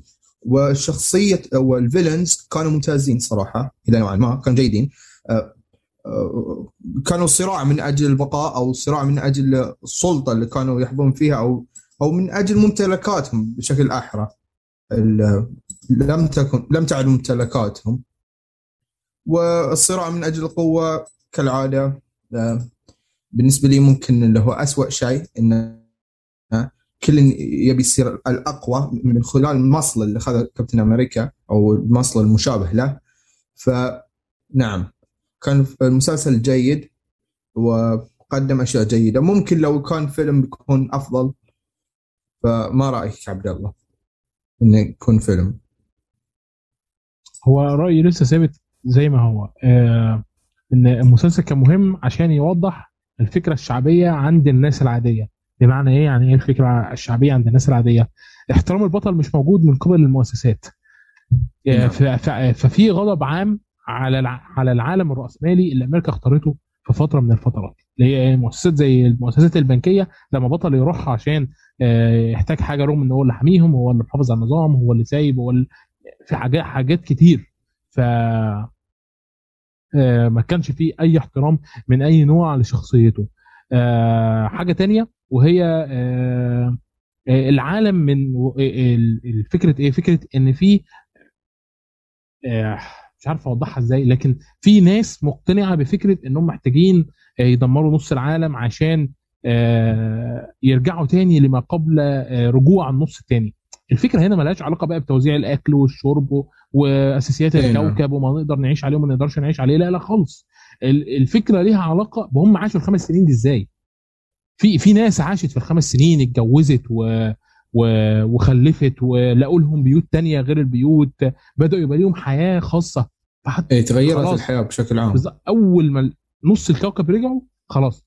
إيه، إيه، إيه، ورجعوا تاني كأنهم في خمس سنين من حياتهم ضاعت. فعندهم غضب نعم. عندهم حالة فدي كانت محتاجة إنها آه بالظبط. دي كانت محتاجة إنها تتقدم بشكل كويس خصوصا كمان إن إحنا عندنا شرير من آه، من أيام ألمانيا النازية اللي هو آه، للأسف ناسي اسمه. اللي كان ظهر في نص المسلسل. وعندنا كمان آه، إيه. تمام. ذيك البنت بعد الشخصية. صحيح. آه، وكانت مطلوبين ذيلي ليه؟ آه، الشخصيتين المطلوبة للعدالة. أيوه هي هي دي. أنا بس لو أتذكر اسمها تقريبا أنا مش فاكر اسمها للأسف في البتاع. لكن أنا فاكر كويس مثلا عميل زي اسمها إيه؟ شارون كارتر اللي هي العميل 13 كانت مهمة جدا إيه. وتقريبا لها علاقة بمنظمة ما إحنا مش عارفينها واترمت لنا في الآخر عشان فيلم فالكون الجاي. آه كان في اللي هو اسمه آه البارون زيمو. افتكرت دلوقتي اسمه البارون زيمو. تمام. آه اللي هو الشرير بتاع ألمانيا النازية اي نعم. تمام. آه ف... ف... فهو مهم جدا عشان من ناحيه شعبيه نعرف الأحداث من على الناس كانت بتجري إزاي. مفيش ولا مسلسل غير دوت هو اللي وضح الناس كانت بتفكر إزاي وكانت منقسمة على نفسها إزاي. وكانت ماشية إزاي؟ وكانت عايزة بالظبط ترجع زي قد إيه أثر على حياتهم الماضية وحياتهم الجديدة؟ قد إيه في نوع من الأنانية في قراراتهم على قد ما هي منطقية؟ قد إيه إحنا محتاجين نتفهم حاجات كتير؟ وكنت في ست حلقات والست حلقات بست نعم. ساعات ممكن تقدموا آه يعني كان ممكن يتم اختصارهم في فيلم مثلا لمدة ساعتين لكن آه اتقدم بشكل تاني. ومسلسل جماهيرية ما حصلش النجاح اللي كان متوقع عشان كده هو من تي في اي نعم ممكن. ممكن لو بعد كان عندنا لو عرضوه مثلا في HBO أو منصة كذا رسمية ومتوفرة في جميع العالم. مثلا HBO الحين ما متوفرة في كل مكان. لا لا مش لو مثلا Disney Plus آه أقصد Disney Plus عفوا. آه لو متوفرة في Disney Plus مثلا عندنا في الشرق الأوسط يعني أنا كل ما مثلا أبحث عن Disney Plus أبي أشوف مثلا أعمالهم. طبعا يقولين ما متوفرة في منطقتك. فهذه مشكلة. لا بس موجود, موجود في في يا رب يفكرني. OSN. OS ان OSN كان موجود. إلى الآن موجود. The Falcon The Falcon Winter Soldier المسلسلات كلها متوفرة على OSN تمام. على فكرة ال تقريبا آه، يعني من IMDb الرقم اللي إحنا بنتكلم عليه حوالي 165 ألف مصوت ده رقم مش قليل بالنسبة للمسلسل. أي نعم. تقريبا كذا هذا العدد. ف العالم اللي شافوه ما, ما كانوا قليل. ولكن آه، أنا أظن لم يأخذ حقه The Falcon The Winter Soldier بعكس المسلسلات الأخرى اللي هو ممكن لوكي اللي أخذ حقه. آه، بعد حتى WandaVision كان ممتاز بس ما أدري هل أخذ حقه بشكل كافي. آه WandaVision بقى تعالى نتكلم عشان أنا من الناس اللي بتحب السيت كوم الخمسيناتي والستيناتي والسبعيناتي إيه. بتاع أمريكا. تمام؟ فاكر وإحنا إيه نعم. صغيرين كان في مسلسل اسمه اللي هو مسلسل راجل الكهف ده فاكره؟ لا للأسف اللي كان والله. بيجري بيجري بالعربية برجله وكان في ديناصورات كأنها بتاعه الحجارة بتشوف إيه الكرتون قصدك؟ بالظبط الكرتون أيوة أيوة كان ده. بدايتي لعالم السيت كوم لأن الكرتون ده في حد ذاته كان سيت كوم اي نعم فاهم وأنا حبيته وأنا صغير وواحد من الأشياء اللي خلتني أحب Warner Bros طبعا وأدمنها آه، وبعدها دورت بقى في السيت كوم القديمة كده كنت بلاقي شوية حاجات آه، كنت بلاقي مثلا Twilight Zone شوية حاجات. يعني مسلسلات قديمة خمسيناتي كده كنت أحب أول ما WandaVision اتقدم بهذا الشكل بهذه الطريقة بالأبيض والأسود بطريقة الكلام ديت المحببة جدا لقلبي آه، العائلية اللي بتضحك اللي بتعبر إيه. عن حلقتين وبعد كده حلقتين سبعيناتي وبعد كده حلقتين تسعيناتي كده. أنت فاهم التسع حلقات إيه. بيتكلموا إزاي؟ فكنت أنا مبسوط جدا ومستمتع. كل الناس كل الناس هجموا أول حلقة. اي نعم. آه، اما ب- للأسف آه، ما بالكل يتقبل السيت كوم أو بس يشوفون أصلا فكرة أبيض وأسود تقدر تقول يهجون ينحاشون يهربون. شلون أبيض وأسود وإحنا 2021 ما أدري شو الفكرة اللي عندهم خصوصا اللي هو الجيل الجديد يعني. ما بسوي روحي شايب ولكن لكن على نفسي أنا أتقبل السيت كوم وأحب السيت كوم وكانت يعني تحس انه بداية الحلقات عايشين حياة لطيفة جميلة كذا تحس بالمتعة وانت طالعهم بس. إيه إيه. ولكن في نفس الوقت آه، ممكن اللي شوف بس أول حلقة يقولون ذا ما ب- ما بعالم مارفل متعودين عليه أبد. فعشان كذا ممكن الفيلم دوت الفيلم دوت لما ديزني حبت تركز عليه ركزت عليه بالشكل الغلط خليته خلت الحلقات فيه جايب شكل خلت الحلقات فيه جايب شكل عامل إزاي؟ آه، جايب شكل فني أكتر منه جماهيري. آه يعني هي ديت اللفظ أي نعم. آه، فالجماهير لم تتقبل ذا الشكل أو أغلب الجماهير على الأقل لكن آه، أنا عجبني بشكل لا يصدق يعني. من الأمانة يستحق يعني لكن الحلقات في أعتقد آخر ثلاث حلقات كانوا أقل من المستوى مع دخول آه، كاثرين هان واللي بالمناسبة اللي هي آه، أجنس. وأجنس كانت شخصية حلوة قوي على فكرة. نعم. وأعتقد WandaVision جابوا جابوا شخصية من عالم ثور اخدت بالك؟ دارسي لويس. إيه إيه آه، إيه بالك؟ دارسي دارسي آه. إيه لاحظت أكيد أنا أول ما شفتها آه. اتفاجئت اتفاجئت يا جماعة كان- كان كانوا قصدهم بإيه؟ قصدهم ان عالم ثور اتفكك خلاص صح؟ بقاش في ثور إيه خلاص الحين كل تخبط في بعض لا ما في الحين عندنا عالم ثور خاص دي شخصيات تطلع في ثور خاص نفس العالم أو خاص ال MCU ال MCU ممكن اي شخصية تظهر في أي عمل بالعكس أنا أشوف إنه شيء ممتاز وأفضل. آه، يعني تخيل إنه مثلا آه، مثلا ناتالي بورتمان خلاص إنه بس تطلع في ثور في ثور في ثور أو مثل آه، دارسي. آه، نسيت اسم شخصية ناتالي بورتمان آه، أوكي. أو دارسي. يعني لو بس تطلع بس في عالم ثور أو الأفلام اللي في ثور تحس إنه آه، شلون حاكرينها أو يعني أنا متفهم بس هي شخصيتها كده ما تحسهاش ال nerd. بسبب انها حلوة شوية على فكرة. بجد ماشي. آه عندنا كمان Vision. آه إيه رأيك في شخصية فيجن في المسلسل؟ آه، آه، ما أدري شلون آه، ولكن ما أدري المشكلة أنا لما متعمق في قدراتهم بشكل كبير أو أعرف شلون طريقة عملهم بشكل أسطوري ولكن يعني ممكن أو خصوصا قدرة اللي هو اللي هي واندا. فأنا متفاجئ إنها قدرت تسوي كل ذا. آه، طبعا بعدين ايقظت Scarlet Witch فعشان كذا أنا ما أدري شلون قدرت أصلا ترجع Vision بشكل عام وشلون ما برح عنده اللي هو حجر اللي هو آه اسمه؟ اللي هو الحجر. حجر اللي هو الحياة أعتقد. تمام تمام. أيوه آه حجر ال- الحجر الأصفر. اللي كان آه، اي نعم. في آه، أي نعم. ف آه، ما أدري شلون. كنا شخصية عاطفية بالقوة ديت اللي هي Scarlet Witch ده حاجة إيه. ده ده قريب من الكوميكس جدا على. أوه حلو حلو. آه أنا يعجبني انه ما يحرفون بشكل كبير في أي عمل سواء آه مأخوذ من كوميكس أو مأخوذ من مانجا أو من أي عمل ثاني. هي حاولت تخليه يعيش لكنها ما قدرتش. آه، انت شفت شفت التحليلات اللي بتقول لك على الضوء اللي كان جاي من بعيد في آخر ال- في آخر المسلسل؟ مع إن هو أصلا mini series برضه يعني هو مسلسل يعني المسلسل الوحيد اللي تم إعلان استمراره لاكثر من موسم واحد هو لوكي لحد دلوقتي. لما تسع حلقات نعم. المسلسل واحد فكان في آه. آه، عبارة عن حاجة كده كأنها إيه مموهة نازلة من فوق لتحت في الاخره وهي قاعدة تحت الجبل. كان كله بيقول لك ده دكتور سترينج جاي عشان ده هيبقى بداية أحداث فيلم دكتور سترينج in the نعم. of madness multi universe of madness اي فانا م- يعني ما أدري شو الوضع في المستقبل أو في في المرحلة القادمة اللي هي المرحلة الرابعة اللي إحنا حاليا أقصد.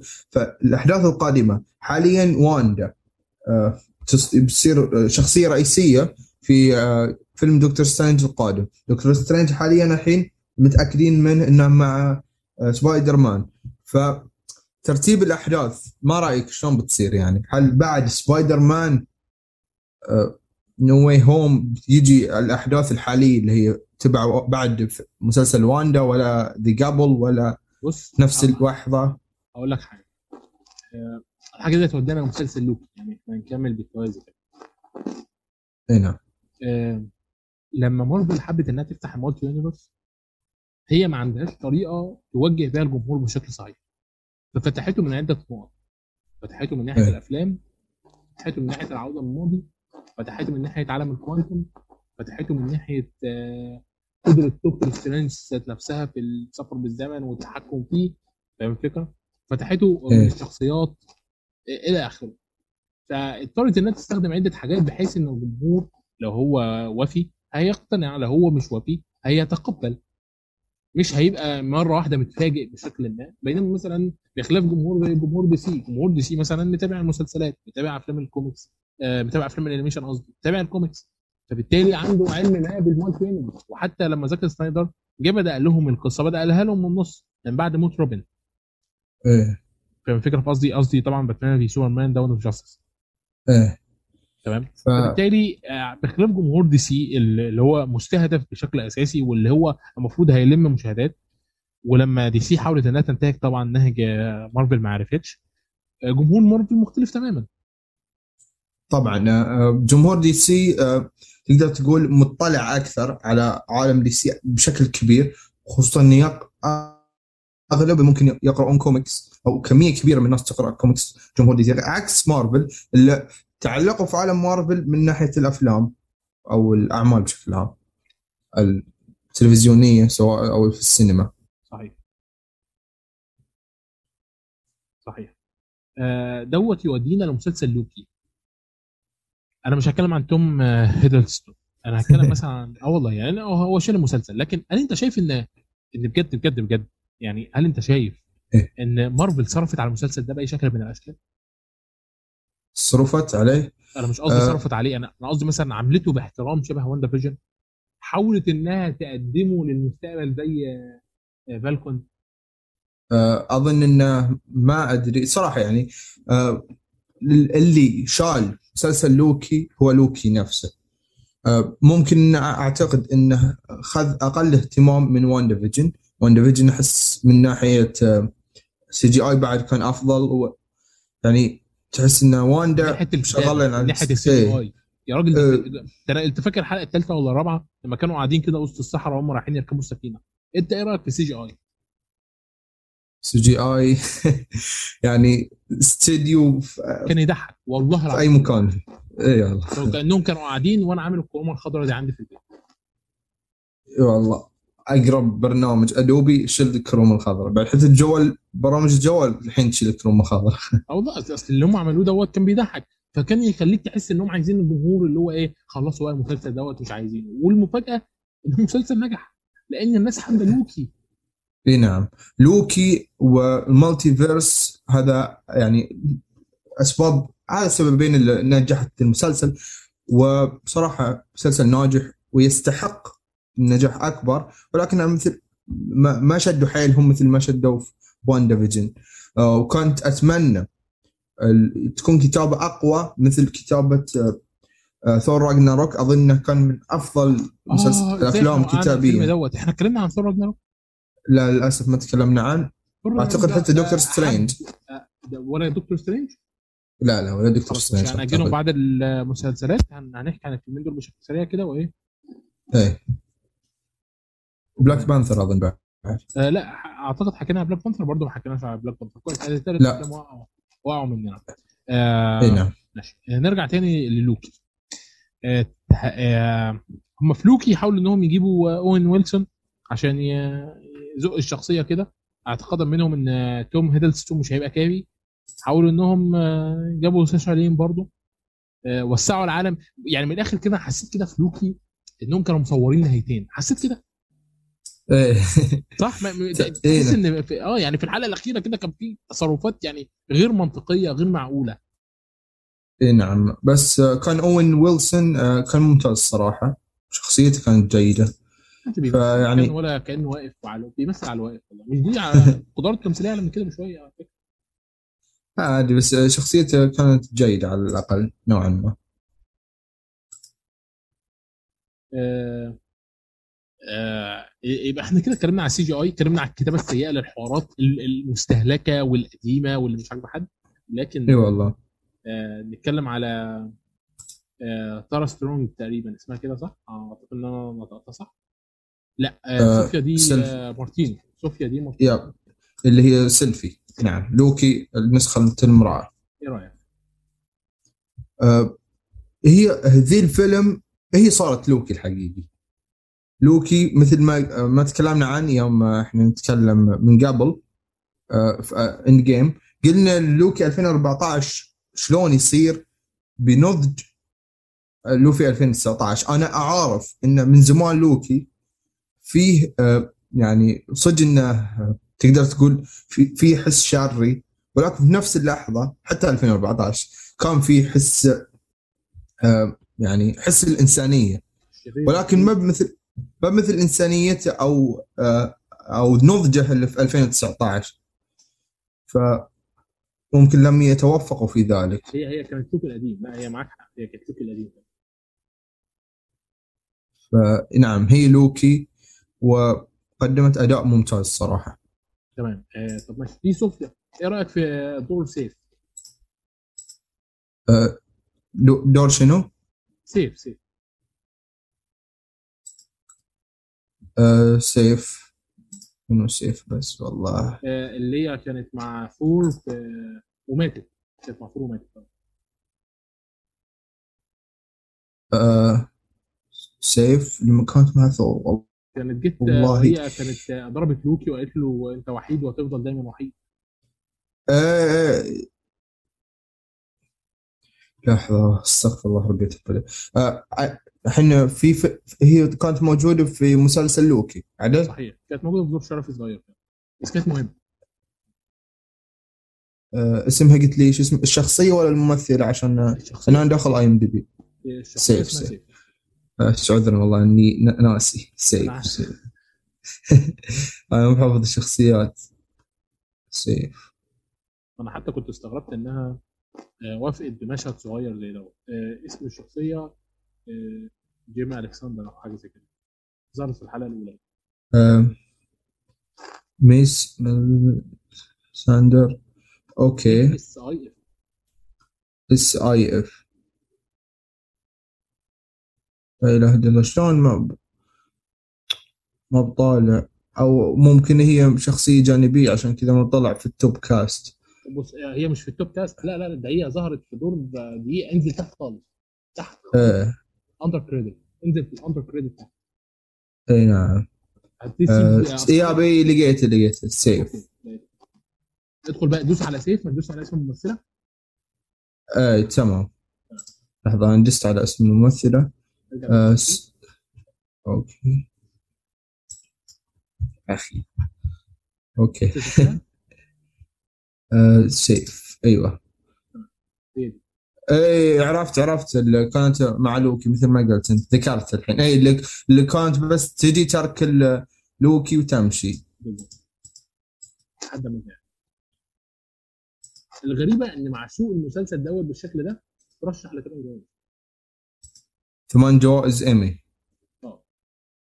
أه ما أقدر آه، أقول أتفق معك إنه كان ممكن يكون أفضل. و آه، ولكن يبقى مش ايمي لا لا آه، ما أدري إذا خذ ايمي آه، جايزة للدراجون اووردز في جايزة لهوليوود ميوزك ميديا اووردز في جايزة لبيبل اي خذ ثمان جوائز. آه بالظبط لا هو اترشح بس التشويس اوورد جايزة أوه، تم- والساوند تراك اوورد الساوند تراك بتاع روكي من الآخر معظمه في 8 جوائز. الساوند تراك كان حلو إيه ساوند تراك أبدعوا فيه. هو الحاجة الوحيدة في المسلسلات كلها على فكرة اتعملت soundtrack محترم رغم إن المونتاج بتاعه كان زبالة. سبحان الله. آه لي لي هم يحاولون يوازنون المعادله يجيبون لك العيد في جهة يحاولون يصلحون يعني أعتقد أعتقد أنا واثق ان المسلسل دوت أقل مسلسل مسلسلات مارفل اللي اتصرف عليه. يعني أنا واثق إن دوت اتصرف عليه أقل من Hawk Hawkeye معلش. إيه. أقل من Hawkeye. والله يعني المفروض إني صراحة المفروض يخزنون ذا خصوصا يعني multiverse وشيء كبير. والمبالغ المفروض يلحونها كذا لوح يقولوا خلاص ميزانية infinity راح تسوي اللي تبي بس. لأن صراحة يعني كان يستحق أكثر سواء تقدير من النقاد أو جهد أكثر على العمل على هذا المسلسل. صحيح. ولكن اللي انقذ الموقف كان مبني كله عليه يعني. كانش مبني عليه. إيه. ف لكن اللي أنا ش... يعني الحلقات أعتقد هي اللي خلت خلت ديزني تغير النهاية. أنا أنا عندي ثقة إن النهاية اتغيرت بشكل ما أوكي. ما أدري أنا أو ما لاحظت ممكن هذا الشيء. ولكن أنا أظن إن النهايه هي أهم شيء في المسلسل. يعني أنا. قصدي إن النهاية ما كانتش هتبقى مفتوحة. أنا كانت هتبقى مقفولة عن كده. كان لوكي. هيموت بقى خلاص وكل واحد يروح لحاله فاهم؟ إيه. ممكن تسوي م- معدل المشاهدات اللي كان على Disney Plus ما كانوش مصدقين في أول حلقتين. هذا لو فاتحين Disney Plus للعالم كله إيش صار كله بيحب لوكي كله بيحب لوكي الشخصيه لوكي. الطيبه الجميله اللي كلنا عارفين إن ورا كل هذا ال... ال- التظاهر بالقوه ضعف آه، بيمثلنا كلنا بشكل أو بآخر. اي والله. إحنا مش كلنا هزليين كده آه ولكنه بيمثلنا. حتى لوكي حقيقي. ها؟ لوكي حقيقي أكثر من ثور بكثير رغم. إني أحب ثور أكثر. لكن لوفي حقيقي. أنا بحب الثور آه، ثور بيفكرني بال آه، ال white Americans اللي بيركبوا الأمواج. إيه وأنا عندي مشكلة مع الوايت آه، الحين انت اسمع. إيه توقعاتك بقى لمسلسل هوكاي؟ Hawkeye الصراحه ما بحط عليه أمل أبد. يعني ما صفر أو بيكون سيء ولكن ما بمتوقع شيء كبير. و poster خصوصا ال poster حقهم. يعني حرفيا كأن أنا إذا أنا بصمم thumbnail حق حق مقطع يوتيوب. شغل صراحة ما متعب عليه يعني. ف ما يحمس أبد. آه، الصراحة سؤال بقى عشان نروح للأفلام اللي إحنا ما ربطناش إيه. هنربط مسلسل هوكاي بمسلسل Black Widow أيوه هذا اللي كنت بتكلم عنه أه، بصراحة أكثر شيء مشوق أو ذا إنه رغم إنه ممكن إحنا عارفين الفكرة إنه ما ردها، اللي هي الأخت شو اسمه ناتاشا ردها اللي يلينا Yep. تقريبا آه. يلينا yep. يلينا. Yep يلينا. أه، بطريقة أو بأخرى ما ردها بتعرف بس هل بتضرر أو بتصير طريقة رهيبة لمعرفتها الحقيقة؟ آه وش اسمه ذيك الشخصية اللي طلعت في ذا The Falcon the Winter Soldier وطلعت في Black Widow اللي في الأخير. تجي توسوس حق العالم. هي اللي قالت حق يلينا إن Hawkeye هو اللي قتل Black Widow بس في, في المسلسل كان هي بتشتغل مع Hawkeye آه تعني ذيك الشخصيه آه صح ولا آه،؟ آه، آه، ما ما أذكر والله الصراحة تعني مسلسل The Falcon the Winter Soldier ولا تقصد Hawkeye؟ آه بتكلم عن Hawkeye ال trailer اللي نزل أعتقد هي صح؟ آه صراحة ما شفت ال trailer. متاكد أيوه أيوه هي دي هي. أنا دخلت تاني على الأعمال بتاعتها لقيت إن هي كممثلة داخلة في آه و... والله العظيم إن حرفيا يعني أنا هي جت شفت أنا يوم أشوف Black Widow كنت شايف The Falcon the Winter Soldier وعارف انها قاعدة توسوس حق كابتن أمريكا المزيف. بعدين آه، جات شو اسمه آه، يوم قالت حق يلينا إن Hawkeye هو اللي قتل أختك. خلاص أنا صراحة عصبت يا أخي. تقهر الادميه. ما أدري هدفها في المستقبل أو إيش بتسوي. آه، رغم إنه ممكن في رغم بداخل الكره ذي اللي أنا كارهة لها إعجاب. إنه يعني تقدر تقول إنه okay شنو هدفها؟ أو فضول بعد. غير الاعجاب بشكل أحرى فضول. شنو هدفها أو تتبع من هي أصلا؟ ف هي دي بالظبط هي دي هي. هل ده ممكن يظهر في هوك اي؟ نعم. هل ده ممكن يظهر في هوك آي؟ آه ما أظن إنه بيظهر في Hawkeye. آه آه إيه، لا لا لحظة لحظة. بغير الإجابة. أنا مسكين قلت لك إني ما شفت ال trailer حق Hawkeye. آه تقدر تعطيني spelling عشان أشوفه الحين بس. Okay لحظة أبعت لك ال- الرابط ذات نفسه. إيه ما عليه. لأن أنا شو اسمه أنا كالعادة طبعا من زمان ما أشوف trailers أبد ولكن آه، من بعد ما انحرق علي trailer آه، أو ال teaser حق Spider-Man No Way Home قلت خلاص عشان ما ينحرق علي أنا بشوفه. في بعض الأعمال نكون أنا ال social media والله. لا لا لا لا, لا أبد أبد ما بنت. ال social media آه شو اسمه يحرقون كل مكان يعني كل مكان تروح يتكلمون على الاعمال هو عموما ده كان teaser حاجة يعني واقعة خالص يعني. اي بس بما ان ظهرت تلك الشخصية اللي نتكلم عنها فقلت خل اشوفه عشان آه، Doctor Octopus آه اي آه، انحرق علي trailer Doctor Octopus. آه بس أنا أتكلم عن آه، Hawkeye حاليا. آه أنت بتتكلم عن Hawkeye sorry. هبعت لك.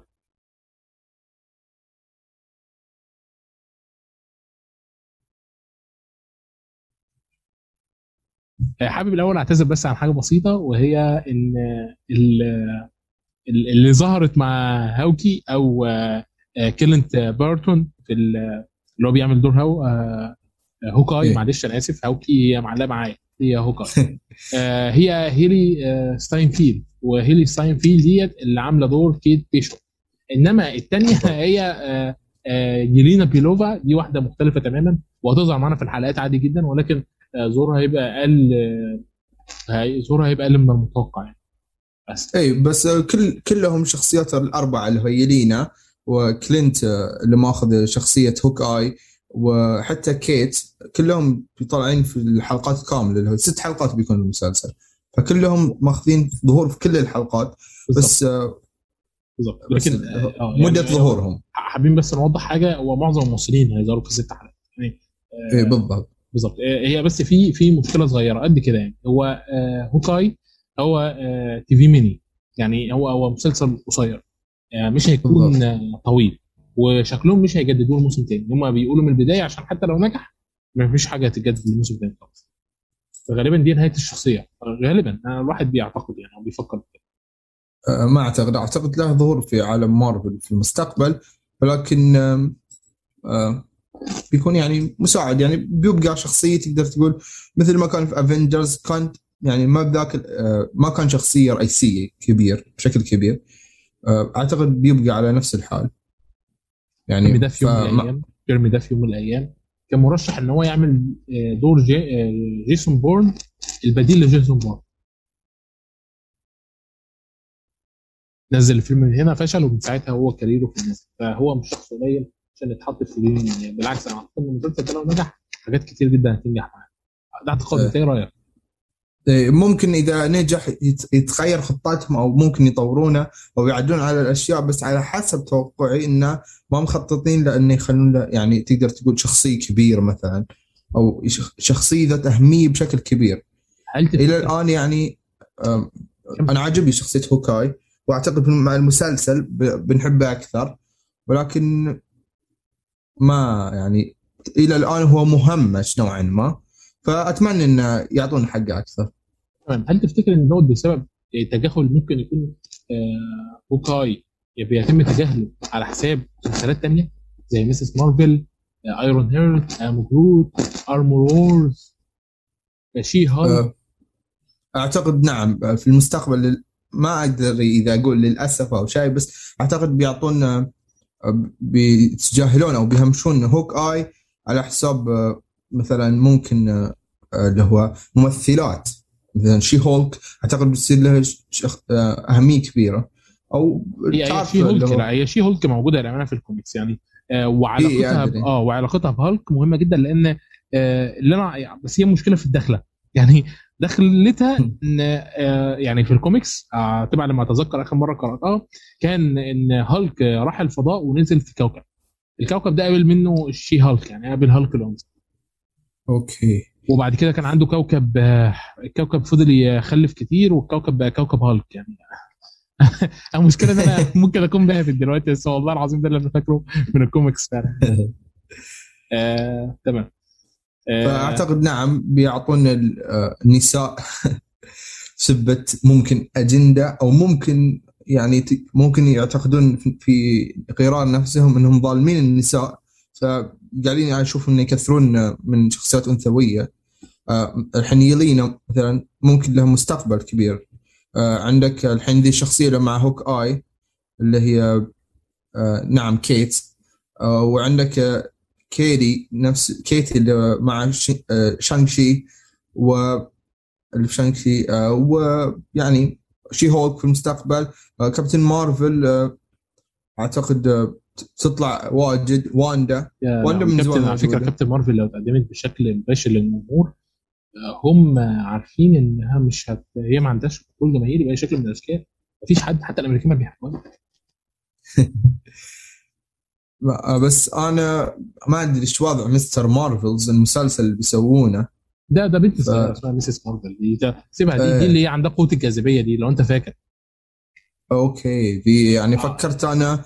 بص، لا- Ms. لها مارفل دي- علاقة ب- هقول لك Ms. Ms. Marvel دي عبارة عن آه، واحدة من مجموعة بنات صغيرين كده superheroes كانوا بيجوا لوحدهم. انت فاكرهم زمان؟ okay مثل آه، آه، شو اسمه ذيك آه، آه، صوفي تيرنر اللي أخذت آه، اللي كانت تبع ال X-Men نفس الفكرة؟ تمام تمام. آه، ممكن آه، شوي عشان ممكن اللي هو Dark Phoenix yep اللي أخذت فيلم The Dark Phoenix قريبة من Dark Phoenix آه. بالضبط. بص هي فنعم نظرتي إي وبعد ناتالي بورتمان اللي هو في فيلم ثور القادم. فهذا نعم لهم ال- ال- الإناث لهم مستقبل أو النساء لهم مستقبل كبير في عالم مارفل السينمائي. ما أدري هل بيأثر بشكل إيجابي أو سلبي؟ آه، ما أدري والله. تمام. هو نتمنى غالبا يعني غالبا لو تم استغلاله بشكل كويس طبعا يكون يعني بشكل إيجابي. لا بشكل كويس. يعني عارف فكرة بشكل كويس دي مهمة جدا. اي والله آه، كان ليها أفلام animation زمان حتى كان كنت اتفرجت لها على فيلم animation كده وكان مسلسل آه، يعني واحدة من أفلام ال animation كان معمول لها أغنية كده كانت حلوة فاكرها شويتين المهم إن Ms. Marvel آه، يعني دورها كبير خصوصا للمستقبل كمان مش مش لده دلوقتي. وخصوصا إنها من أصول مسلمة يعني تبقى لما أتذكر هي من أصول شرق آسيوية من أصول إيرانية حاجة زي كده. okay يعني نفس ذيك اللي في DC اللي حقت الرامل نسيت اسمها. يا آه هي دي. تمام. انت فكرتني لما انت قلت كده انت فكرتني ب 99 فاكرهم؟ آه، منو؟ 99 في في لا والله.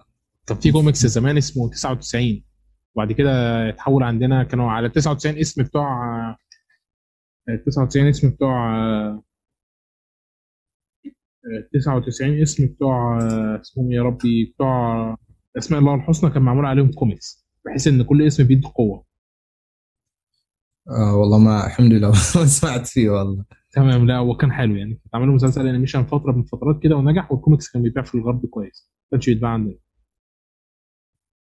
اي بس انصدمت أنا يعني أسماء الله الحسنى نسوي عنها كوميكس ففكرت هي فيه الموضوع مش وحش خد بالك يعني آه، اللي هو إيه. آه، آه، غفور كان ليه طاقة كده وكان في منقبات جوه الفيلم فكان حلو في وقته وخصوصا الكوميكس كمان كان جواه منقبات عندهم طاقة خارقة بيجمعوا الأبطال الصغيرين اللي عندهم نفس الطاقة كده. كانت فكرته يعني إيه؟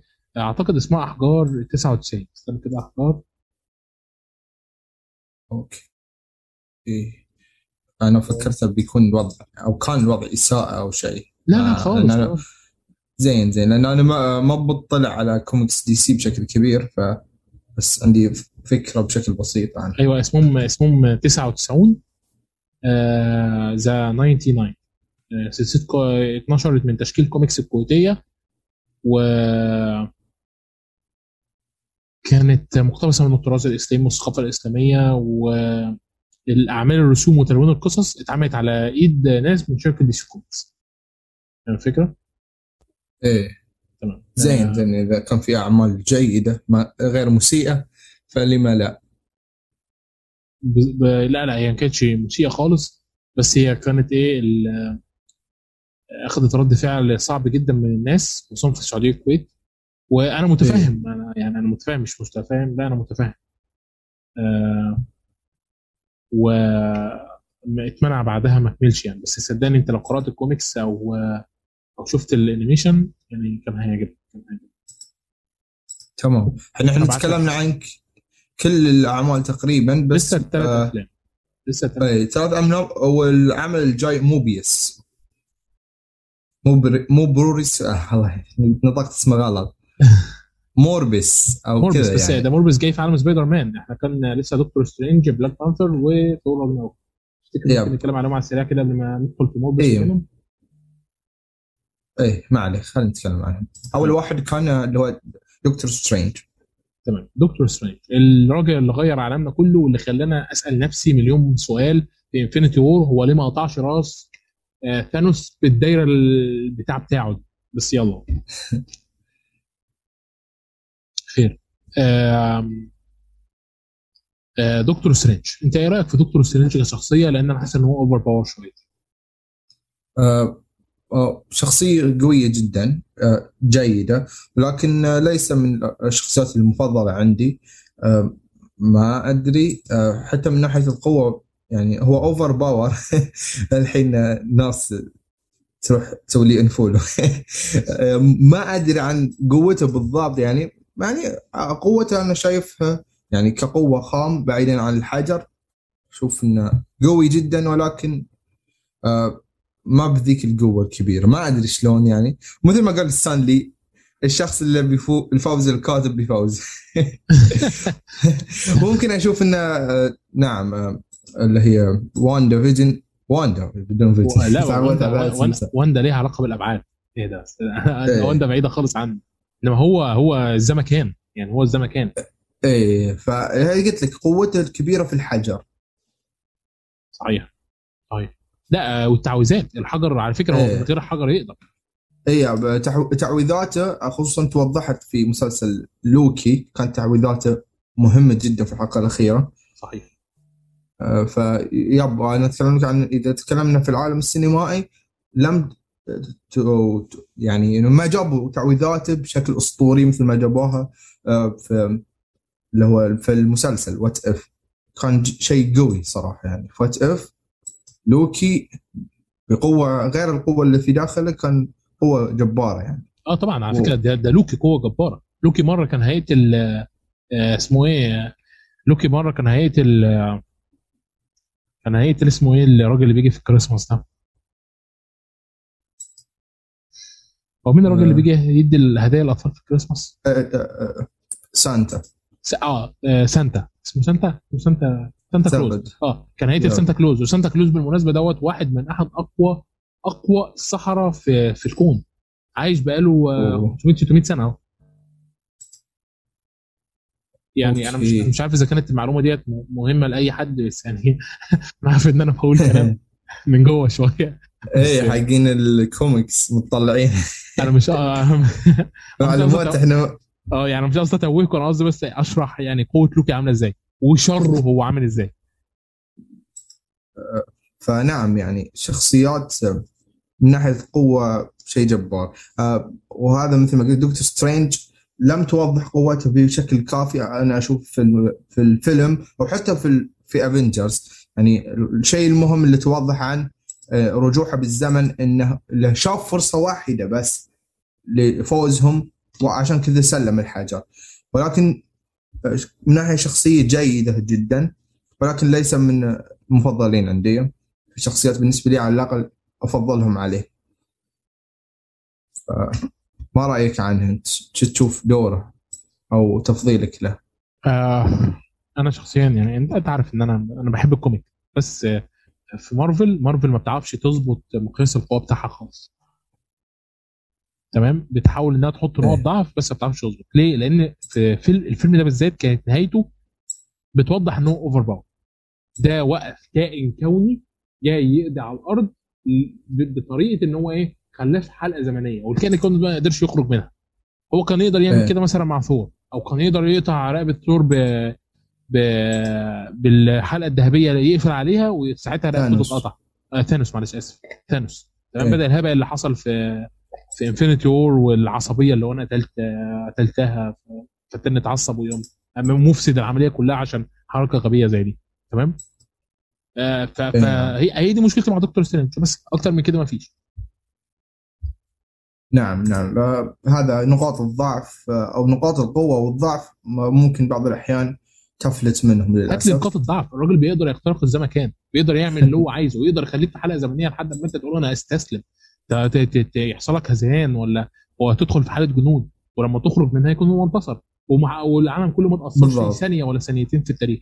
فاهم الفكرة؟ هو يقدر يعمل حاجات كتير وهي دي المشكلة إن هو يقدر يعمل حاجات كتير. طب إيه نقطة الضعف اللي انت إيه هي ممكن قوى الظلام يعني اللي بتأثر عليه؟ عندنا واحد من من شخصيات Doctor Strange اللي جه في ال What If واللي كان موجود في الكوميكس استخدم قوى الظلام لصالحه. مش بالطريقة الهبله اللي جت في What If صحيح ولكنه استخدم قوى الظلام. وبينديكت بريطاني وقادر إن هو آه عنده أسلوب ما شخصية ما واقفه على رجليها عندها أساسيات البريطانيين اللي الأمريكان ما بيحبوهاش. آه والدنيا زي الفل. نعم هذا مشكلة نقاط الضعف. يعني لو إحنا ندقق آه، في كل جزئية نعم وكل فيلم يكون في نقاط ضعف كبيرة في عالم مارفل السينمائي مثل ما تطرقنا له في بداية اللي هو البودكاست ف ما أدري إيش أقول عنه ولكن إحنا نمشي بعض الأمور من أجل المتعة للأسف. إحنا فعلا بنمشي حاجات كتير والله عشان المتعة. نروح للفيلم الثاني اللي يعني ده كان سنة 2016 كان عندنا Black Panther 2018 الأول ولا Thor Ragnarok؟ Thor Ragnarok كان لا Thor Ragnarok 2017 Thor Ragnarok قبل. Thor Ragnarok Thor Ragnarok دوت فيلمي المفضل في عالم مارفل كله. ما تنلوم والله. فيلم قوي جدا. يعني رائع. من ناحية الأكشن بص تصنيفه الأساسي أكشن كوميديا. عمل لي الأكشن والكوميديا. وكان المونتاج بتاعه كويس. القصة بتاعته رهيبة. الخسائر مظبوطة بالملي الك... يعني يا راجل ده عالم الآلهة ال... ال... اسمها إيه؟ آلهة الأودين وكل ده وتتدمر. أنت عايز أكتر من كده؟ بالضبط. مجازفات كبيرة. وتستحق الإنصاف والتصفيق صراحة حتى الشخصيات الجانبية الصغيرة كان ليها دور عشان تثبت عشان تأكد تحول الشخصيات ذات نفسها تحول شخصية ثور آه، أودن وهو بيموت عشان ينصح عياله تعاون لوكي وثور الكوميديا اللي بتنتج من أول الفيلم لآخر الفيلم من أول فيلم وهو متعلق عشان يعرف إيه هي نبوءة راجناروك. بالضبط. آه، كان فيلم بالتاريخ بالملي بالملي. كان ثور راجناروك كان مظبوط بالملي. لا مش عارف قد حاسس يعني. إيه قد يكون بعد من الأفلام المظلومة لأن الناس كل تشيد بافنجرز وافنجرز سواء أي جزء. بسبة ما ألومهم نوعا ما بسبة اجتماع الأبطال هم المفضلين لكن نفس الوقت يعني لو ناحيه من ناحية كتابية كان هو الأفضل. يرفع على القبعة حقيقة. أه تحس كده انه كان ناقصه حاجة واحدة بس. شنو؟ إخراج كوينتن ترنتينو بالضبط. كان بيكون تحفة. ذي ذي خلاص تعلق في كل منزل. آه والله كان. بس هم اللي خسرانين بقى. تصنيف. لا انت كفاية مشهد لوكي بس هو ما عرفوش عارف إنت؟ ولحد ما هالك شافه كده فكان أنا عايزه. لا. كان كان كان, كان لوكي ساعتها بقى بدأ لوكي بتاعنا يظهر يعني. بس عشان اتكلم. لا نروح للفيلم التاني. الفيلم اللي خدعني وأنا في السينما. شفته في السينما مرتين. ولما okay. شفته بعد كده التالت مرة كنت حسيت بقى بإيه؟ بالعيوب بتاعته كلها. ده Black Panther بالضبط. آه الفيلم ده أنا شفته في السينما مرتين وخدعني خدعني خدعني خدعني. أنا شفته في السينما كنت حاسس انه واحد من أفضل أفلام الابطال الخارقين اللي نزلتها مارفل لما شفته مع نفسي بقى تاني وقعدت أركز في كل لقطة كده رايح جاي ندمت. شنو العيوب أو الأشياء اللي يعني شفت؟ بما إنك شايف ثلاث مرات يا ما شاء الله. آه بص آه النهايه النهاية كانت مفتوحة قوي يعني. النهاية آه فكرة إن واكاندا تتفتح بالشكل السريع دوت من غير أي أسباب حقيقية ده مش قائد دولة. يعني فاهم؟ ده ده مش أساسيات دولة. أنت بتبنيها ده أنت ما ينفعش تبقى دولة مغلقة بالشكل ده وتتفتح بالشكل ده. دي نقطة. النقطة الثانية هل في Black Panther جاي بعده؟ لأن اللي اتبقى زهرة واحدة. هل في زهرة ثانية تم انقاذها عشان يتزرع أو حاجة؟ الانقسام آه. اللي حصل داخليا دوت إيه تأثيره؟ إيه تأثيره على المجتمع بتاع واكاندا ذات نفسه؟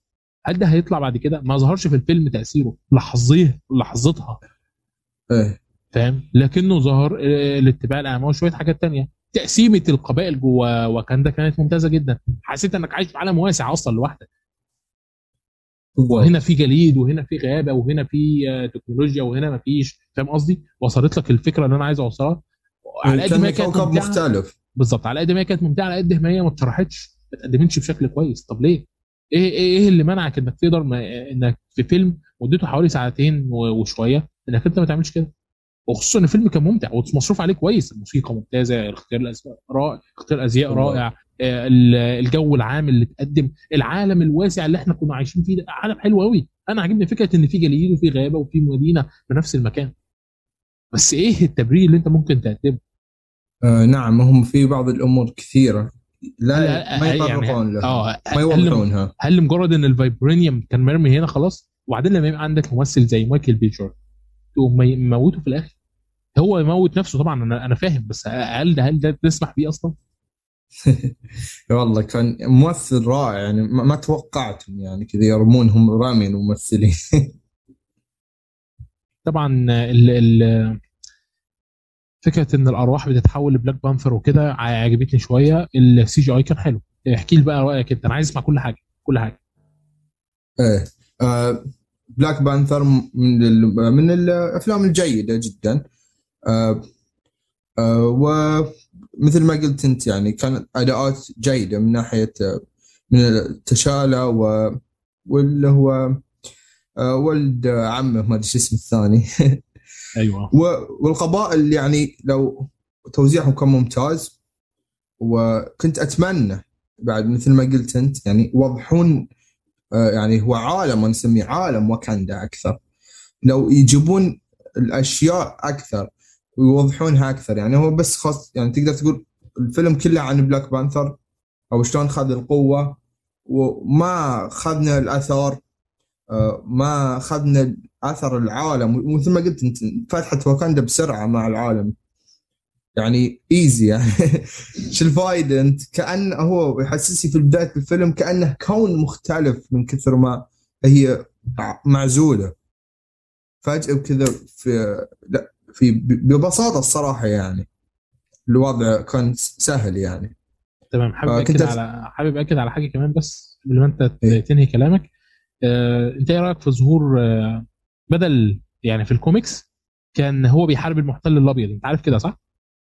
لا الناس للأسف. البيض اللي بيجوا يصطادوا الحيوانات النادرة والمرتزقة اللي بيحاولوا إنهم يعملوا انقلاب واضطرابات داخل آه، القارة الأفريقية بينما في الفيلم جابوا ضد متطرفين مسلمين آه، بيسروا الستات وبيروحوا يبيعوهم عبيد إيه. ما ما كنت على علم باللي صاير في الم... في اللي هو الكوميكس ف كنت أحس إنه بعد اللي هو شلون خذ إنه يجي ولد عمه وياخذ ذا حسيت إنه ممكن الوضع يعني ما أدري إيش أقول عن أو شلون أسميه. ممكن يعني تقليدي نوعا ما أو إنه يعني ممكن لأن تكررت في عدة أفلام فممكن ما عجبتني ذي النقطة. ولكن كان الفيلم بشكل عام جيد. تمام. آه، انت إيه رأيك؟ هل هل اسمه إيه آه تشادويك قصدك؟ لا لا مش تشادويك اسمه آه, آه دانيال كلويا. هل ليه دور في المستقبل؟ أوكي ذاك اللي هو زعيم أحد العصابات. آه لا العصابات؟ آه القبائل القبائل أقصد. إيه أحد الحارس. آه، دانيال كلويا والله ممثل ممتاز. آه، يعني آه، أتمنى يعطون حقه داخل هذا العالم. إنه جدا جدا مبدع يعني خارج عالم مارفل على الأقل. يعني حسيت إنه ماخذ حقه. كان يعني ما أتوقع له دور كبير بس ما ما أدري ليش أنا متشائم زي كذا ولكن أحس إنه نفس الشيء يعني. دوره حتى لو تطور بشكل بسيط ما بيأخذ دور أكبر. من شخصية جانبية. هو كان تقدر تقول شخصية جانبية آه، ممكن يكون ممثل مساعد. يعني يعني غير مهمش مثل الآن كل ممثل مساعد ولكن ما بيصير شيء كبير جدا للأسف. من الصعب إن هو ياخذ دور أكبر من كم شوية؟ أه صعب صعب جدا. أتمنى والله ياخذ دور أكبر. للأسف. يعني هو الواحد كان بيتمنى إن هو فعلا آه، ياخد دور أكبر من كده بشويه أو, أو الواحد بيعتقد إن هو آه، يستحق دور أكبر من كده بشويه ولا أنت إيه رأيك؟ اي والله يعني هو كممثل عنده أداءات إنه حتى ياخذ دور البطولة يعني. تمام. عندنا كمان آه، مارتن فريمان. مارتن فريمان من وكالة الاستخبارات الأمريكية CIA أنت إيه رأيك؟ هل وكالة الاستخبارات الأمريكية ممكن في الجزء الثاني تمنع واكاندا من إنها تنشر اسرارها للعالم وتبدأ تتعاون معاها بحيث إنها تظبط الدنيا ولا؟ أه أظن خلاص يعني أه إيوه. الحين إحنا تقدر تقول إن مات تشادويك بوزمان في الواقع متوقع أو انه ما شبه أكيد تقريبا إن اللي بياخذ دور اللي هو أو بيصير بلاك بانثر أخته اللي هي شوري ما أدري اسمها ولا في شخصية ثانية والله ما بتاكد يعني أنا عارف الشخصية الثانية اللي هي آه، أوكوي اللي هي كانت آه، خطيبة آه، وكابة. إيه إيه. أو اي مش فاكر اسمها يعني. والله ما أدري ولكن بتكون شخصية أنثى. فممكن اللي بيعترضون يعني زعماء القبائل وبتكون الوضع الوضع مشتت. ف ليش بقى؟ عشان هي بنت يا لهوي. أيوه. لا لا لا. فالوضع ممكن كذا يصير. آه، فيعني فتتدخل اللي هو وكالة استخبارات عشان تضمن يعني تضمن يعني إنه ما يصير أو ما يروح اللي هو اللي هو ويبقى كده حولنا من الكوميكس من كونهم بيطردوا المستعمل الأبيض لكون المستعمل الأبيض بيدعم والخيانة بقت بطوله والله خلاص. بالضبط. يبقى مارفل ف... لعبتها المطين أقسم بالله. ماشي. تمام. آه... تمام. آه... بقى حاجة؟ لا أتوقع غطينا كل شيء. تمام. كده نوصل أخيرا لفينوم و... والفيلم الجديد اللي تم الإعلان عنه ضمن عالم سبايدر مان خلينا الأول نتكلم على فينوم ونهايته ولا نتكلم على أيه. توقعاتنا عن فيلم آه، موربس آه موربس آه صراحة لأني مو بقارئ كوميكس ف أو إنه إيه هو طلع شو اسمه أحد أشرار سبايدر مان سابقا. هو طلع في سبايدر مان ذا اميزنج سبايدر مان ولا؟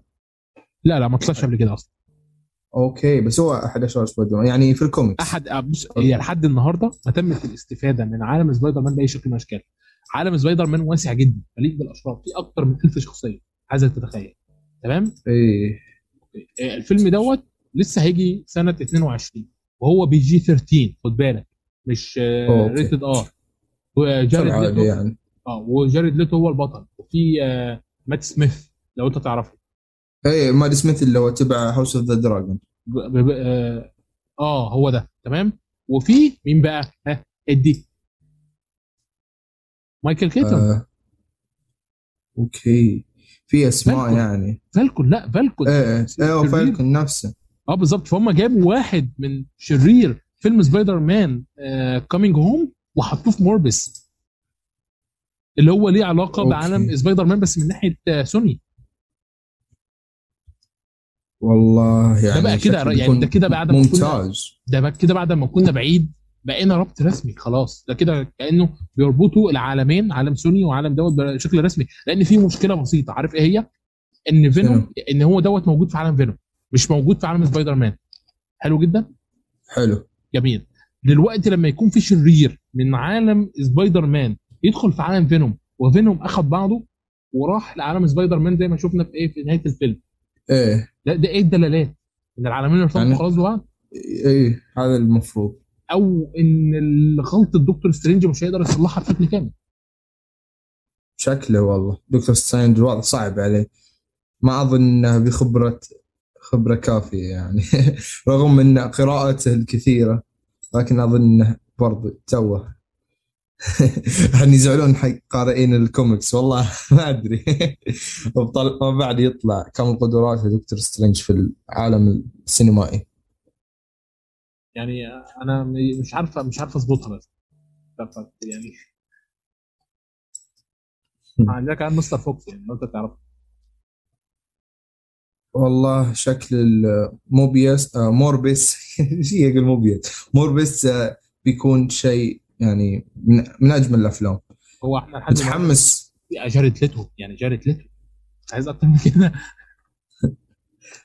آه ما أدري ليش آه، أي شيء تبع سبايدر مان يلاقي نجاح باهر سبحان الله. مهما كان. ليتو زي ما قلت لك شخصية تدعو للتعاطف. على فكرة أصلا سبايدر مان يعني كمان ما جابوش ربع شخصيته. سبايدر مان دوت يعني هو بس مش يتيم وعاش عند عمه وعمته. لا هو كمان لما كبر واشتغل مصور فضل مع عمته عشان يدعمها ماليا. لأن ما كانش ليها معيد كان ممكن يسيبها ويمشي. زي ما حصل في الأفلام بس هو ما عملش كده. آه، فشخصية سبايدر مان محبوبة جدا مشهورة أيضا. ف عالم عالم رهيب والله.